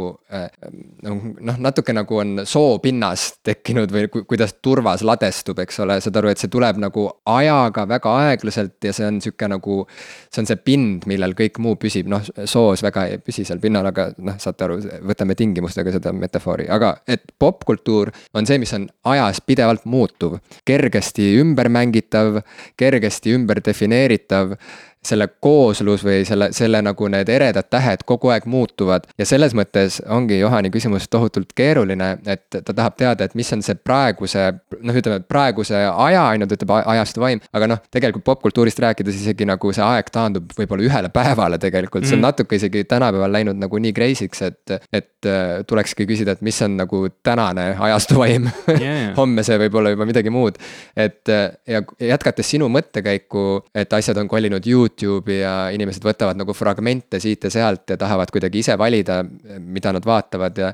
ja, ja see sisu on väga eklektiline kogu aeg, mida inimesed tarbivad, see kultuuriline sisu. siis tegelikult võib-olla mulle tundubki, et, et see praegune ajastu vaim on selle tulemus, mis juhtus üheksakümnendatel ja null-nullindate alguses äh, reality tv tulekuga ehk siis äh, massimeedia äh, liikus samamoodi sellise nagu põlve otsas tehtud sihukese nagu realismi poole, et inimesi enam ei huvitanud nii väga see ülistiliseeritud äh, mitmemiljardilise eelarvega disaintoode või mm -hmm. staar, vaid teda huvitas pigem see, mismoodi see staar ilma meigita oma kodus mm -hmm. lohvakates dressides ringi käib, on ju, MTV Creeps näiteks on ju, näidati, kuidas staarid päriselt elavad. oli tore lihtsalt vaadata, kuidas on ju koos Exhibitiga, ma ei tea, metall, Metallica frontman on ju või, või trummar kõnnib oma tagaaias, ma ei tea, plätudes on ju ja räägib siin oma bassi. ja seal veel muidugi on, on ju äh, päris palju seda sihukest äh, empire, British Ellisel on, Ellisel on sihuke eristus, et äh, empire ja post-empire kultuur nagu, aga et see on ka sihuke empire veel, aga ma arvan, nüüd me oleme eriti veel liikunud sinna, kus nagu see ise pildistan, äh, ise teen, nagu see sihuke DIY kultuur on täielikult üle võtnud ja, ja ma olen nõus sinuga, Ivo, et tõesti, et kui sa tahad teada, äh, mis praegu on nagu popkultuuris oluline, siis sa peadki vaatama reaalselt nagu nende lihtsate inimeste poole, kes äh, toodavad seda veidi rohmakat, veidi koleda käekirjaga tehtud sisu, mis ometi äh, pakub inimestele nii väga huvi, sest et neid huvitab nagu see, see toores info. no hägune natuke see jutt, aga Johan mainib ka oma kirjas Nine Gag'i näiteks mm. -hmm. ja Nine Gag oli ju suur sihuke meemikultuuri äh, plat-, platvorm, ühel hetkel ta nagu põhjustas sihukese nagu suure plahvatuse, kõik hakkasid me-, meemidest nagu tohutult huvituma ja scroll isid telefonis neid läbi. ja nüüd on meemid ju kolinud igale poole, igal pool sotsiaalmeedias liiguvad meemid ja ka Instagramis ma olen hakanud jälgima mingisuguseid meemitegijaid. ja kui me vaatame, missugune on üks meem, siis meemid on ka ju väga koledad nagu esteetilises mõttes mm. -hmm. Need näevad välja. suur impact font valgega peale, eks ole, topitud. no neid meeme on ka erinevaid, on ju, et mis mm, -hmm. et neil on ka tekkinud mingid omad siuksed nagu žanrid ja yeah. li, erinevad liinid, on ju. aga kui miski nagu ühendab kõiki meeme, siis see ongi see, et see, see toores väljanägemine. et sa näed, et okei okay,, selle meemi kokkupanemisel vist ei kulutatud rohkem kui minut on ju, maksimaalselt arvutid, aga. aga oluline ongi see toores sisu, see, see, mm, et, et see klanitud pealispind, äh, see, sellest on saanud, sellest on saanud see nišš nüüd mm. -hmm. see on saanud nišitooteks, et kui, kui mis iganes, noh, et see, et Beyonce siiamaani üritab teha siukseid suuri muusikavideoid, annab välja videoalbumi, on ju, mille puhul sa näed, et see eelarve on olnud seal lihtsalt nagu uskumatu. Eesti riigi mhm. aasta mm -hmm. eelarve on pandud Beyonce videoalbumi tegemisse.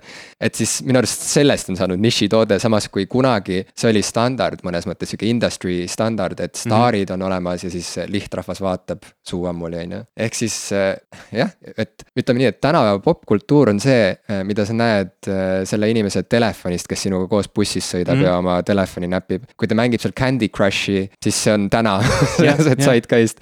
kui ta scroll ib seal midagi muud, siis see, et see ongi, popkultuur on pudenenud laiali inimeste taskutesse ja kellelgi ei ole nagu seda täit ülevaadet ja täit tõde, aga igal juhul see on liikunud mingisugusesse sihukesesse nagu põlve otsas kõigile kättesaadavasse odavasse toorusesse, mis on samas nagu oma sisult ja mõjult hästi nagu äh, kiirelt mõjule pääsev kiirelt kõnetav. ütleme, tänapäeva inimest kõnetab rohkem PewDiePie kui sõrmust isand, ilmselt. täpselt. et, et selles suhtes äh, huvitav mõelda, ma selle nine gag'i juurde veel mainiks, et minusugune äh, Redditi suur austaja, et Redditis on sihuke kultuur et ikkagi nine gag'i peetakse selliseks äh, küllaltki mõttetuks kohas, kohaks, kust, kust re, kõik Redditis äh, välja mõeldud asjad, vot see on see, nagu nemad iseendast mõtlevad, et kõik head Redditis välja mõeldud asjad, eks ole, varastatakse nine gag'i ja lõpuks jõuavad kellegi Facebooki seinale. mis noh, enamasti ei ole küll tõsi, aga, aga Reddit on võib-olla hea koht, kus tänapäeva popkultuuri suundadega ennast teadvuses hoida, ma ei tea, see oli kuidagi tegelikult... mõttetu lisandus siia. ei, ei olnud, me kõik, me mõlemad ju praegu üritame vastata vastata väga keerulisele küsimusele, mis tegelikult eeldab suurt, suurt järelemõtlemist, suurt mhm. analüüsi mm.. aga kui me juba täna tulistame siin, siis miks mitte. Eh, ma lisaks siia otsa veel, et mulle väga on meeldinud see, kuidas Michael Pachter, eh, kes, kellel on sifted punkt netis oma selline nagu videosaade, kus ta iga igal nädalal vastab vaatajate küsimusi videomängutööstuse kohta. eks ole, ta on nagu sihuke, ta on börsianalüütik, ta teab, teab nagu selliseid majanduslikke tagamaid äh, suurte mängufirmade puhul. ja oskab vastata nagu sihukese nagu väga huvitava nurga alt mingitele nagu videomängukultuuri puutuvatesse küsimustes, puutuvatele küsimustele. ja, ja siis keegi küsis talt, et, et nüüd, kus, et küsimus oli midagi sellist, et kas videomängudest on nüüd saanud mainstream, et tegelikult ju kõik mängivad ja kõik teavad. Ja siis ta äh, ütles, et ei, et videomängud veel ei ole tegelikult mainstream. jah, nagu nendele videomängu huvilistele see võib tunduda, et noh, et videomängud on kättesaadavamad kui kunagi varem, valik on suurem kui kunagi varem, videomängude messid on massiivsemad ja võimsamad kui kunagi varem ja kõik see, aga kokkuvõttes jällegi see taandub sellele, et kas su vanaema teaks ise oma peaga mõeldes kinkida sulle näiteks, ma ei tea, Uncharted neli? Mm.. On ju, et, et see nii, nii see ongi, et kui ma alustasin sellest, et, et kui popkultuur on see kõige nähtavam osa kultuurist, siis vahel aitabki, mind tõesti vahel aitabki see, et kui ma mõtlen, kas mu vanaema saaks sellest aru või kas mu vanaema mm. teaks. et kui see signaal mingisugusest filmist, mis iganes, mingist nähtusest on jõudnud temani isegi, kes, kes ei jälgi absoluutselt seda meediat, mida mina jälgin. kes ei käi internetis ringi, Redditis mm -hmm. või. Ninegagis on ju, eh, kes elab nagu selles mõttes täiesti teises infoväljas, kui isegi tema teab. no vaat siis see on popkultuuri pomm see on hu hu huvitav tõlgendus praegu, sest see piir üks hetk muutub sellelt, et mingi hetk sa enam ei mõtle sellele, kas mu vana, vanaema seda teaks, vaid siis hakkad mõtlema, kas mu laps seda teaks, vaata, et see et... nagu flipib ümber. jällegi ma ütlen, see Johani kiri on väga nagu rikkalik pinnas, kus teemast nagu minna edasi ja siit saaks täitsa nagu omakorda siukse erisaate mm. teha, aga. aga Johan ise ka räägib, et ta või noh, see küsimus seisneb selles, et, et kuidas vältida seda, et ma ise ei muutu siukseks mm. nagu äh, ebapädevaks vanainimeseks, on ju. et mismoodi, mismoodi surfata edasi ikkagi sellel ajastu lainel, eks ole, ja noh, vaat sul on õigus, Ivo, ma arvan, et äh, mingeid piire nagu sa ei saagi tegelikult, sa ei saa igal pool olla, nagu sa ei saa ja. igal pool tunda end nagu nii kodus. palju asju, sest kui sa mõtled, noh, eks ole, detsembrikuu on praegu, mine vaata kinos uut Star Warsi, sellepärast et see on praegu jube oluline teema ja jällegi sihuke suur film film ja ma ei tea, ilmselt tuleb miljard kassas ära ja mida iganes, eks ole. suvel sa pidid mängima Pokemon Go'd, paar aastat tagasi sa pidid lugema Fifty Shades of Grey'd, enne seda sa pidid lugema Harry Potterit ja nii edasi ja nii edasi, eks ole. nii palju on kogu aeg neid asju, mis on nii-öelda maailma, ühiskonna meelsuses ja, ja see oleneb nii väga kultuuriruumist, kus sa elad, see oleneb sinu enda sellest mullist, kus sa elad, sinu vanusest, sinu sõpradest, sinu huvidest. kõigega ei jõua lihtsalt järge pidada ja kui sa ei tahtnud suvel Pokemone taga ajada, no fine, eks ole, sa, sa ei pidanudki seda tegema. ja ilmselt ei juhtu sellest ka väga palju midagi, et sa ei tea, mis asi see Pokemon üldse on. jaa, aga ikkagi mulle tundub, et sihuke nagu realness, sihuke läbipaistvus mm. äh,. selles mõttes, et sa, et sa, et sa enam ei peida ennast mingi brändi taha, vaid sa näitad, et seda brändi teevad inimesed on ju, et mm., et, et see on see minu arust, mis nagu endiselt veel lõikab ja mis on endiselt nagu oluline. ongi just nimelt see nagu see, see tõelisus, et ole tõeline, ole päris ja isegi kui, kui sul ei ole vahendeid, et teha nagu ägedalt oma videoblogi, et see nagu ei saa takistuseks, kui videoblogi näeb rõve välja. sest kui see on nagu tõeline, kui on näha, et see on autentne ja, ja nagu noh, siiras, siis see on see, mis praegu nagu on endiselt minu arust nagu siin ajastu vaimu kohaselt mm, nagu mm. tähtis. jah jah ja., ma võtan vahelduseks ühe lühema, lihtsama küsimuse Karlilt jälle, vaata, kui te ei ole veel kuulnud oma küsimust, ärge muretsege, me jõuame, me võtame kuidagi väga suvaliselt siin. Karl küsib, et jällegi jõuluvaimus natuke, kinkekaart, kas mõistlik või mõttetu jõulukingitus väga,? väga-väga mõistlik väga,, väga-väga mõistlik, ma saan aru sellest, kuidas vahel on jube külm tunne kinkida kellelegi ümbrikus raha lihtsalt või, või et see kinkekaart on ju noh, põhimõtteliselt sama asi, et sa kingid raha. raha aga kehvem, sest raha sa saad kasutada igal pool ja ta ei aegu. samas jällegi, kui sa tead, et mingi inimene on väga vajanud näiteks uut, ma ei tea, spordivarustust, on ju, ja ta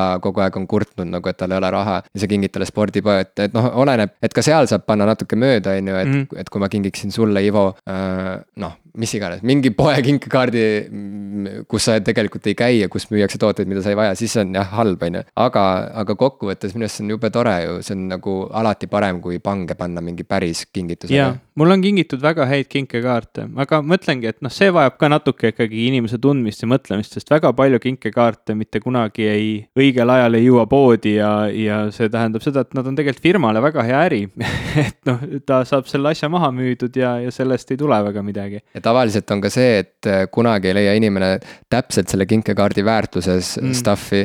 nii et ta alati nagu ja pigem maksab ise veel omalt poolt midagi juurde. aga minu, minu meelest igasugused siuksed noh, et nagu inimesed tuntuvad, et kinkekaart või raha, et need ei ole nagu head kingid, tead, kui inimesel on raha vaja või, või, või sa tunned, et sa ei oska talle midagi paremat äh, kinkida ja sa tõesti tahad talle midagi anda, siis minu meelest on see kõik ikkagi täitsa okei okay.. ja ma olen ise kinkekaarte kinkinud ja ilmselt kingin ka tulevikus, nii et why not? aga Ivo, Mirjam küsib äh, väga sobiva küsimuse, millega siit jätkata. missugune on teie suhe rahaga, kas raha teeb õnnelikuks, kui raha on vähe, kas see piirab meie elu. sa tahad, et mina alustaks? ma tahan, et sina alustaksid mm. -hmm. Mm, milline on minu suhe rahaga? ma pigem püüan hoida raha äh, selles osas, et, et noh, mulle meeldib kogu aeg tunda, et mul on kuskil ikkagi midagi alles, kui juhtub, et noh, tuleb ootamatuid kulusid. Äh, ma ei ole just äh, noh, ütleme kult-, meie kultuuriruumi kontekstis rikas inimene, aga ma teadvustan seda, et maailma üleüldises rikkuses oleme ilmselt ikkagi seal kuskil mõne protsendi seas, nagu me kõik siin siin Eestis oleme, eks ole, ma ei nälgi ja mul on kodu ja, ja tore, eks ole. et äh, aga noh, eks neid, see on sihuke hästi klišee lause, et neid aegu elus on igasuguseid olnud, eks ole, aga noh, ma arvan, et ma suhtun rahasse austusega, ma tahaks vähemalt mõelda seda ja kuigi ma vahel kipun teda võib-olla natuke rohkem raiskama sihukesest hetke tahtest, siis ma püüan ikkagi pidevalt nagu endale teadvustada, et, et see ei ole mitte ainult minu hetke rõõmude rahuldamiseks, vaid selline, selline asi, mis meie ühiskonnas lihtsalt ongi nagu vajalik ressurss ressurss, mida tuleb ka mõistlikult kasutada, kui ma nüüd tagasi oma töö peale viitan. et äh, tuleb leida talle kõige mõistlikum kasutus. ma ei tea, kas ma seda teen, muidugi ma ei ole sihuke inimene, kes hullult investeeriks või leiaks, paigutaks oma raha väga targalt, ma võib-olla tahaks selline inimene olla, aga ma ei oska. kas raha teeb õnnelikuks sind? see on kas-küsimus. mingil määral küll jaa, et äh, ma usun, et ma oleksin kurvem, kui mul oleks palju vähem raha ja ma ei oleks võimeline elama sellist elu, nagu ma praegu aga tahan elada. kui raha on vähe, see on siis see küsimuse kolmas äh, tagumine ots, kui raha raha on vähe, kas see piirab meie elu? mõnes mõttes piirab, mõnes mõttes mitte, et alati on võimalik, ütleme, see, see ei ole see ainuke takistus, mis, mis su ees seisab, on, on väga palju asju võimalik teha ja nii ühte kui teistmoodi, aga kuna me elame ühiskonnas, mis eeldab teatavat sissetulekut, ütleme, see sinu, sind ümbritsevad inimesed mingil määral eeldavad sinult mingisuguse finantsolukorra olemasolu, siis see mingis mõttes piirab kindlasti sinu valikuid, et noh, päris ma nii äh, sihukeseks lillelapseliseks selle mõttega ei läheks, et, et tõesti ilma rahata on täiesti tore ja rõõmus ja lahe olla ja mitte midagi noh, halba sa ei tee, et raha toobki ainult kannatust kaasa, et noh, sa pead arvestama seda kultuuriruumi, mis ümber on ja seda, seda nii-öelda eeldust, mis sinu kohta tehakse, kahju või õnneks, ma ei tea, mis sina arvad? ma olen kunagi võtnud kuskil, ma ei tea, kas Delfi noorteportaalis või kuskil sõna raha teemal ja sain kohe peksa kommentaariumis. sa kirjutasid ma, äh, sihukese lugeja kirja või? ei, ma ei mäleta, võib-olla see oli intervjuu, ma ei mäleta enam, aga igal juhul ma ütlesin seal välja sellise asja, et inimesed, kes teevad ainult raha pärast tööd, elavad õnnetut elu ja loomulikult äh, arvestades seda, mis äh, süvenemisastmega inimesed tavaliselt loevad sedasorti portaale ja nii edasi. siis kõlama jäi põhimõtteliselt, ja see tehti ka selleks nagu esilehe tsitaadiks nii-öelda, kõlama jäi see. ma arvan, et, ma, ma, ma arvan, et kõlama jäi see, et, et Jim Ashilevi väidab, et inimesed, kes teevad raha pärast tööd, on õnnetud, noh. sa ütlesid aga, ka just selle lause aga, muidugi, nii et noh. noh, aga see nüanss vaata on, mhm. oli ju seal see, et kes teevad ainult raha pärast tööd, saad aru, et ma tahtsin öelda seda, et nagu, et rühkida ainult selleks, et kõht saaks täis, siis järelikult see elu ei ole nagu väga hea kvaliteetne, on ju. aga kui see töö ise on äh, nii oluline osa su elust, et sa tõesti saad sealt tagasi ka midagi muud peale raha. et siis põhimõtteliselt on ju, sa oled juba õigel teel, et see oli see, mida ma tahtsin öelda aga see absoluutselt ei tähenda seda, et raha oleks kuidagi tähtsusetu, seal keegi ütleski kohe nagu, et see on ju vati sees kasvanud inimene, kes nagu on ju seda juttu räägib. mingi näitleja. et, et, et ma ütlen, et minu taust on selline, et, et minu peres on alati olnud raha liiga vähe ja nagu kitsad olud ja rasked ajad on mulle tuttavad, mitte küll nii tuttavad kui mu vanaemale, kes on pisarasilmi rääkinud mulle lapsepõlves, noh, kuidas ta ema, ma ei tea, korjas kartulikoori maast, et nagu midagigi oleks süüa. Ja noh, et sihuke nagu, et sihukest nagu sõja ja ekstreemsust loomulikult ma ei ole üle elanud aga kitsikus ja nagu rahalised probleemid on saatnud mind nagu terve mu üleskasvamise aja. ja tegelikult tänu sellele, ma arvan, ma su su su suhtun rahasse tegelikult väga tõsiselt et ma ühest küljest ei tähtsusta seda kunagi üle, selles mõttes, et ma nagu, minu siht siin elus ei ole saada miljonäriks, on ju. aga ma väga selgelt nagu saan aru, et mis vastutus igal inimesel on, et mitte muutuda teistele koormavaks, et tagada oma ma ei tea, siis et tagada inimestele, kelle eest ta peab hoolitsema, tagada mingisugunegi sihuke nagu baas heaolu ta tase.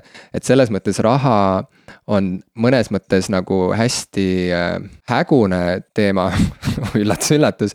et näiteks, kuidas kujuneb mingi asja hind, seda on nagu nii raske mõõta, sest rahal endal ka ei ole enam väärtust. kui, kui see kullastandard äh, nagu, kui kullastandardist loobuti ja hakati raha lihtsalt digitaalselt juurde tegema kellegi palvel on ju.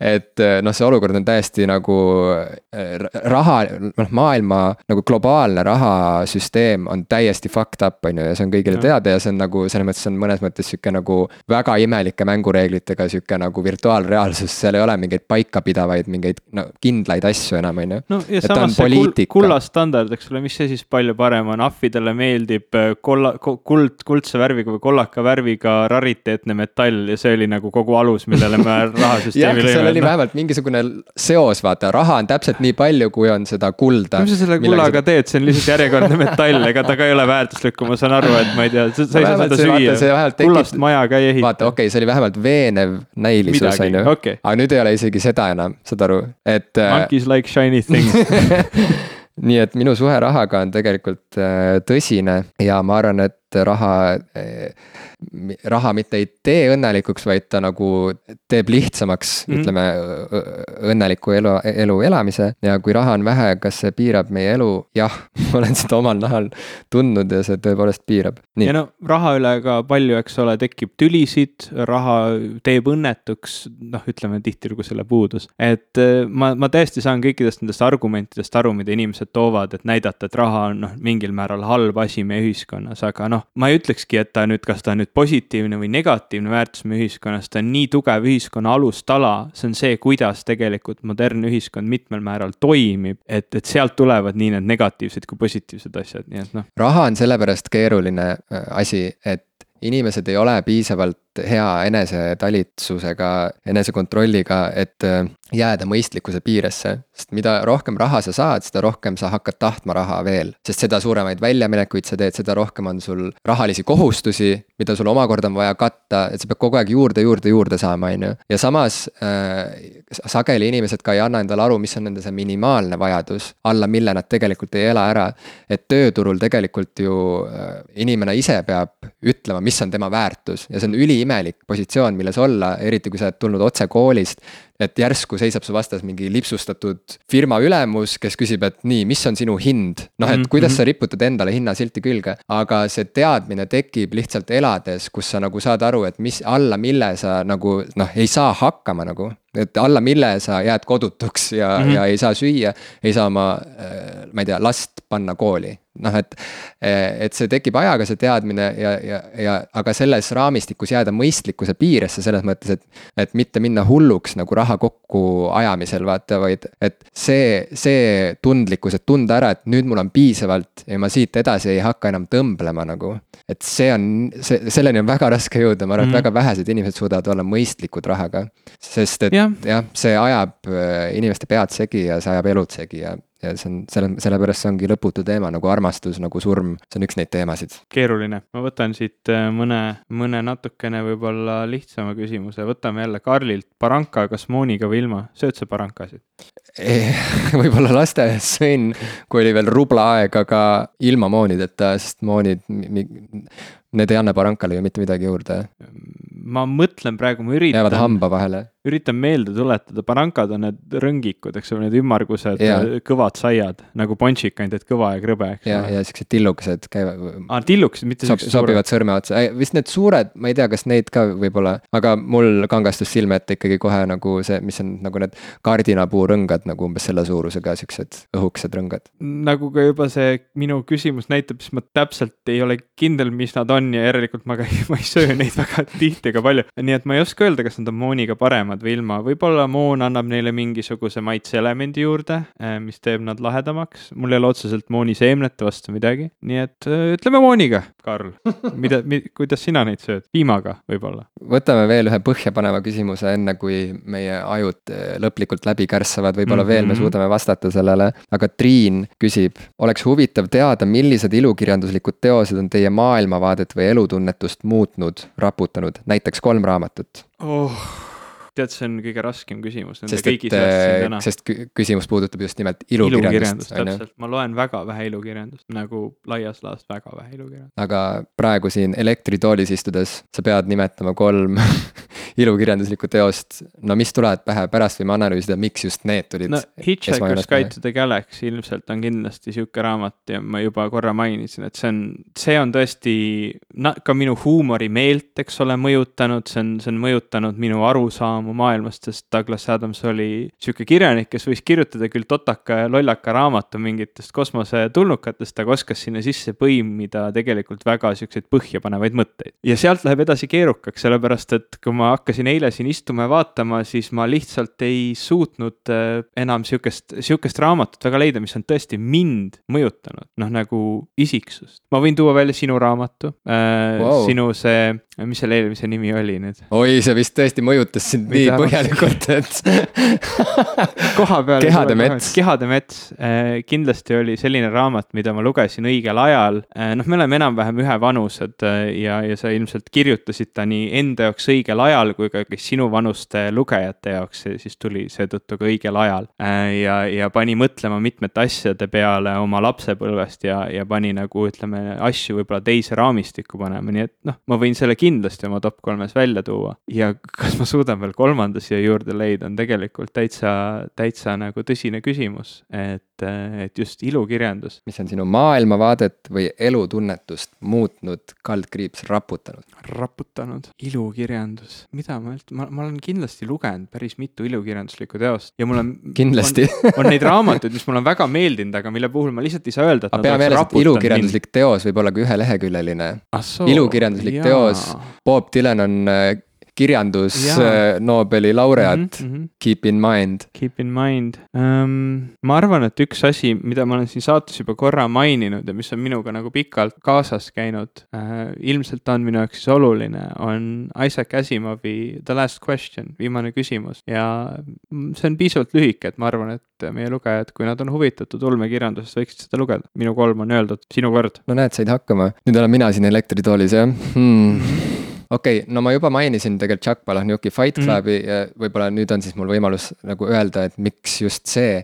sest et tegelikult Fight Club ei ole mu lemmik Palahniuki teos miks mm. ma siis seda mainisin? põhjus seisneb selles, et minu tee kirjanduseni oli väga konarlik, ma terve põhi- ja keskkooli jooksul äh, lugesin heal juhul läbi võib-olla üks ja pool äh, kohustuslikku kirjandusse kuuluvat raamatut. mul oli suur tõrge kogu kirjanduse suhtes ja tegelikult äh, Fight Club mõjutas mind esmalt filmina ja ma ei saanud isegi aru, mis minuga juhtus, aga midagi minus muutus pärast seda filmi. ja alles hiljem, kui ma hakkasin seda muudkui käima kodus, kui ma videokasseti pealt vaatasin seda ühe uuesti ja uuesti uuesti, siis ükskord ma märkasin, et alguses on, äh, näidatakse on ju, kes on produtsendid, kes on olnud filmi režissöör. ja siis tuli sinna tiiter, et based on a novel by Chuck Palahniuk.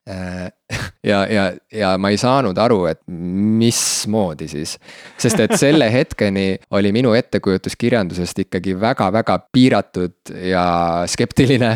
ütleme, et, et ma ei oodanud kirjandusest eriti midagi peale sihukese nagu vaeva et ja siis ma huvi pärast tellisin endale Fight Clubi romaani, et näha, et kuidas saab ühes romaanis teha seda, mida see film teeb siis nagu ekraani peal, on ju. ja ma lugesin selle läbi ja see tegelikult oli minu jaoks värav kirjandusse, sest et ma nägin, et kirjandus on absoluutselt midagi muud kui see, mis ma arvasin, et see on.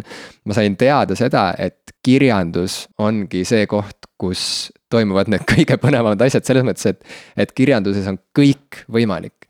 ja, ja seda on hiljem Chuck ise erinevates kohtades ka välja toonud, kuidas, et kirjandus on nii vaba maailm, et äh, noh, näiteks kui sa teed, okei okay,, Game of Thrones, me oleme sellest mitu korda rääkinud, aga Game of Thrones on ju, kui nad tegid seriaali versiooni, siis muidugi see on väga vägivaldne ja graafiline ja kõik on nagu sihuke, et tundub, et see on nagu jälle samm edasi nagu, et, et meie ühiskondlik nagu taluvuspiir kogu aeg nihkub. aga ikkagi nad ei saanud kasutada tegelastena lapsi, kuigi Game of Thronesi ehk siis A Song of Ice and Fire'i saaga raamatutes äh,. Need peategelased on lapsed, vähemalt siis, kui see lugu algab ja see teeb selle loo nagu eriti rängaks, et noh, põhimõtteliselt lapsed lähevad sõtta, lapsi tapetakse, lapsi, ma ei tea, seal tükeldatakse, on ju. et see annab mingi hoopis muu kaalu sellele ja see minu arust eristab seda A Song of Ice and Fire saagat ka ütleme äh, Sõrmuste isandast, kus nagu need vanused on noh, siuksed ebamäärased, aga me nagu enam-vähem need asjad toimuvad nagu täiskasvanutega või noh, seal ei ole seda õuduse levelit juures, vaata. aga aga et kirjandus ongi jah, et kirjandus on see koht, kus kuna sa ei kasuta reaalseid inimesi, sa ei näita reaalse, sa ei ekspluateeri kedagi. vaid need on nii-öelda sõnad paberid, paberil, siis sa võid tegelikult seal minna nagu nii kaugele ja nii sügavale, kui sa vähegi oskad või vajad ja sellepärast oli huvitav ka kogu see diskussioon Untitled kaheteistkümne ümber, vaata, et see oli mõnes mõttes jällegi sihuke. sihuke checkpoint, et me terve ühiskonnana või terve sihukese nagu kultuurina, noh ühte kultuuri kuuluvate inimestena. Äh, pidime korraks nagu üle kontrollima, et kus see piir on, kas on olemas see piir kuskil ja nii edasi. ja, ja on ju selge, et kui Untitled kaheteistkümnest oleks tehtud filmike, noh, on ju ei ole küsimust. et see noh, me oleksime peaaegu kõik olnud sellele vastu, et, et sa ei saa saa nagu võtta lapsnäitlejaid ja neid seal on ju teha seda kõike, mis seal oli kirjas. aga kirjandusteosena noh, et ja. see on, saad aru mm, -hmm. et, et kirjandus on kõige vabam kirjandus ja muusika tegelikult võib-olla isegi, sest et muusikas ka noh, sa ei saa nagu keelata mingeid helisid ära, vaata. et aga et kirjandus on tegelikult noh, öeldakse, et kirjandus ja muusika on nagu ütleme, loomingu nagu kaks eri äärmust või midagi ja, ja kõik kunstid püüdlevad muusika vabaduse poole või midagi sellist, aga.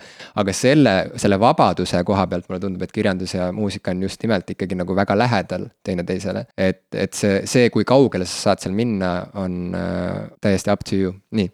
aga teine kirjandusteos mis on mu maailmavaadet, elutunnetust muutnud, miks mitte öelda Sõrmuste isand. miks mitte, muidugi. sest et äh, tegelikult, kas mitte pole Sõrmuste isand mõnes mõttes nagu fan-, inimese fantaasia triumf selles mõttes, et, et äh, vaata, kirjandus on sellepärast alati väga huvitav asi, et seal alati küsimus autorile on see, et kui palju on piisav, kui, mille, mis hetkest ma olen öelnud piisavalt et lugeja saab siit juba ise edasi mõelda.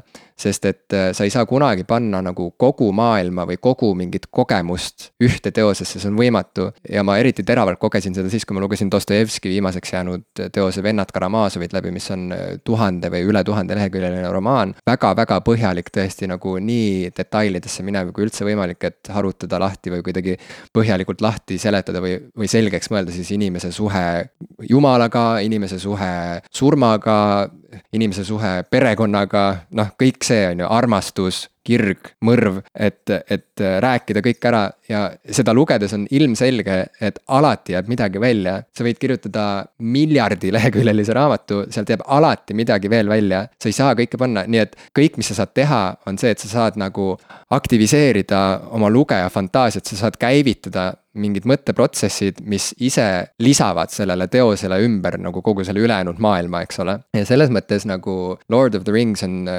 väga-väga äh, kõva näide sellest, mismoodi ikkagi saab lõpmatusse minemata, on ju, kirjutamata miljard lehekülge.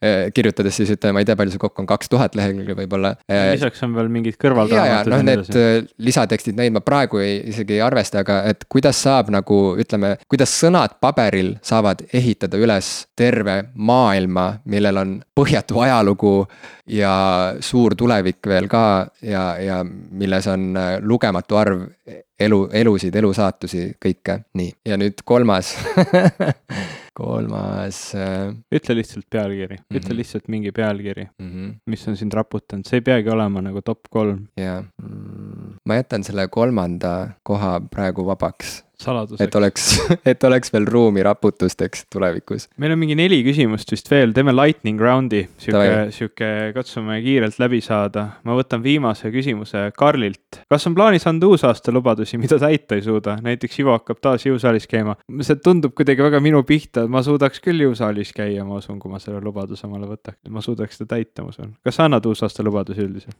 no minu uusaasta lubadus iseendale on see, et ma äh, mõtlen äh, välja, mismoodi elada jätkusuutlikult, nii et ma ei tapa ära ennast nagu rabeledes, nii et nagu ja ma väga loodan, et ma ei jäta seda plaani unarusse. ma üldiselt kipun andma, ma kuulasin kunagi sihukest, või noh, tähendab Hello Interneti ühes osas räägiti nendest uusaasta lubadustest ja CGP Grey rääkis sellest, kuidas ta ei tee aastaks lubadusi, vaid ta iga kolme kuu tagant vaatab oma järgmise kolme kuu plaani üle ja püüab nagu seeläbi ennast parandada, et see tundus mulle mõistlik ja ma üks aasta tegin seda pool aastat ja see tegelikult täitsa hästi toimis. et ma tahaks selle aasta lõpus jälle seada omale kolme kuu plaani, eesmärgid, mida ma tahan saavutada ja siis hakatagi niimoodi iga kolme kuu tagant jälle üle vaatama, nii et ma midagi, midagi annan, aga ma ikkagi püüan seda täita. ja ma tean, et ma vastasin sellele küsimusele natuke mööda, aga see ongi see, et, et ma tegelikult praegu lihtsalt nagu mul oleks väga vaja, et ma täidaks seda lubadust, nii et ma ei hakka isegi mõtlema nende lubaduste peale, mida ma täita ei suuda ähm,. Ivo ähm,, mis võõrkeelt sa tahaksid veel osata rääkida?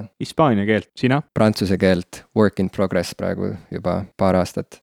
kas kõiki inimesi on võimalik mõista ja aktsepteerida, kui mõelda, kust nad tulevad ja missugune on nende elu, kust jookseb piir? see on äh, jällegi suur-suur küsimus mm -hmm. ja ma arvan, et äh, jah igat inimest on võimalik mõista, iseasi on see, kas sa äh, suudaksid selle inimesega äh, koos elada ütleme.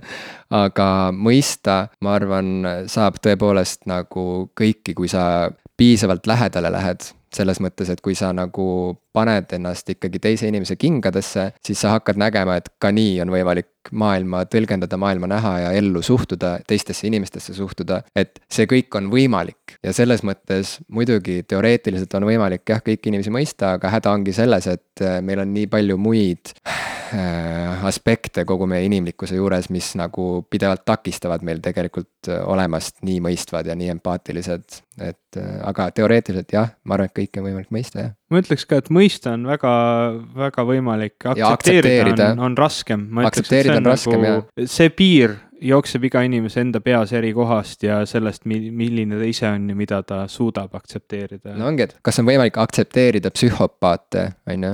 noh, et väga-väga raske, et, et mida see tähendab, et ma aktsepteerin no., kas see tähendab, kas see on sihuke zen küsimus selles mõttes, et ma aktsepteerin maailma sellisena, nagu see on kogu oma ilus ja koleduses, on ju, et äh, noh, jah, noh muidugi küsimus on lõpp, lõpuks see, et kas sa suudad nagu maailmaga rahu teha, kas sa suudad mm -hmm. leppida sellega, et elu on selline, nagu see on ja ma arvan, et jah, see on võimalik, aga see on üliüliraske sest et äh, jah, see nõuab võib-olla kõige suuremat eneseületust üldse. kas mõtlete vahel, et tahaksite elada maailmas, kus pole internetti? ei punkt ei, mingi osa oma elust ma elasin maailmas, kus minu jaoks funktsionaalselt või no ütleme, praktiliselt polnud internetti, praegu on parem. ja, ja ma arvan, et tegelikult me oleme nüüd teinud isegi ringi peale. kuule, üks küsimus on veel, üks küsimus on veel, see on viimane, need viimased on siin olnud Mirjami küsimused. mis tähendus on teie jaoks jõuludel kui üldse?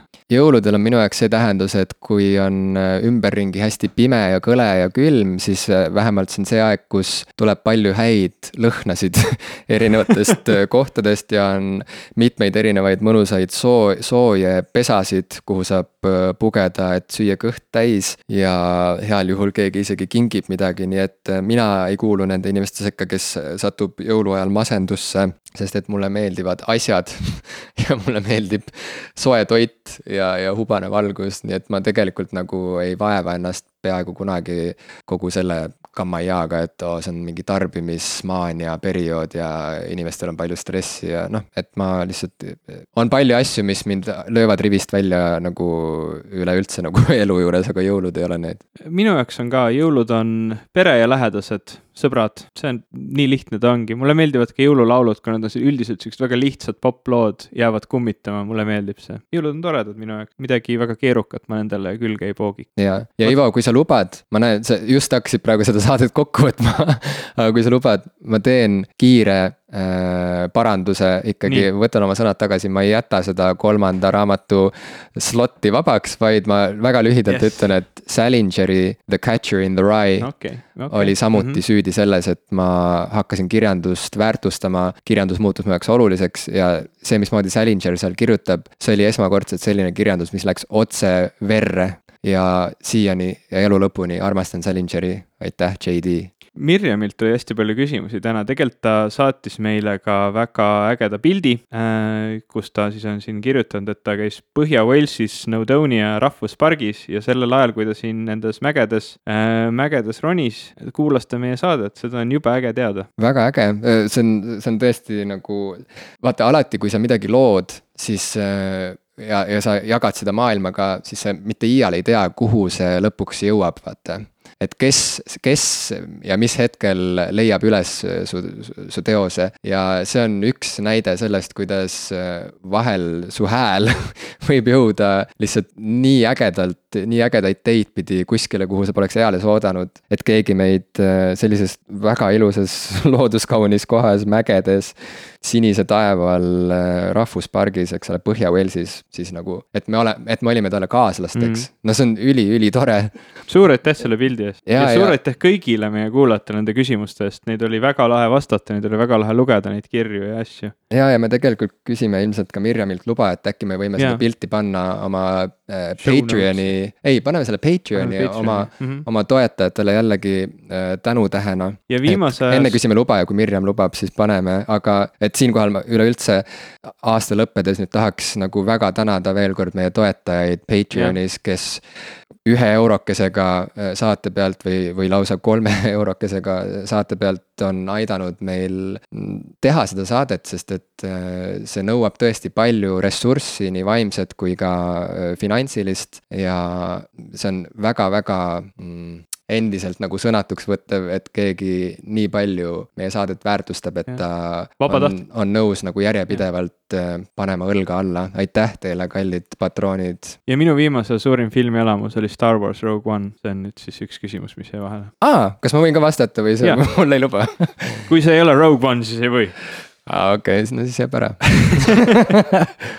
Ehm, kuna ma ei ole Rogue One'i näinud ikkagi, siis ma pean ütlema, et see eelmine Star Wars, mis oli siis see, see kolmanda põlvkonna uus tulemine mm -hmm. ja et võib-olla nüüd siis Rogue One äh, saab olema järjekordne sündmus, aga kuna ma pole eriti kinno jõudnud, siis vot see oli küll nagu sihuke eriline kinoõhtu jällegi, kus ma sain sõpradega kokku, keda ma polnud ammu näinud ja me läksime vaatama ja me teadsime, et sellel on kogu see taust, vaata kogu see Star mhm. Warsi mm. traditsioon, kõik see vaata, et, et ma, ma olen ka üks neid inimesi, kes sellest ikkagi hoolib ja selles mõttes äh, noh, see oli üks neid elamusi, mis oli nagu sihuke nagu tähtsündmus. jah, mul oli maailma suurim naeratus peal tol hetkel eelmine aasta, aasta tagasi kinos, kui tuli ekraanile Star Wars ja John Williamsi skoor tuli kõlaritest, mul oli maailma suurim naeratus Nonii, aitäh, häid pühi, kohtume uuel aastal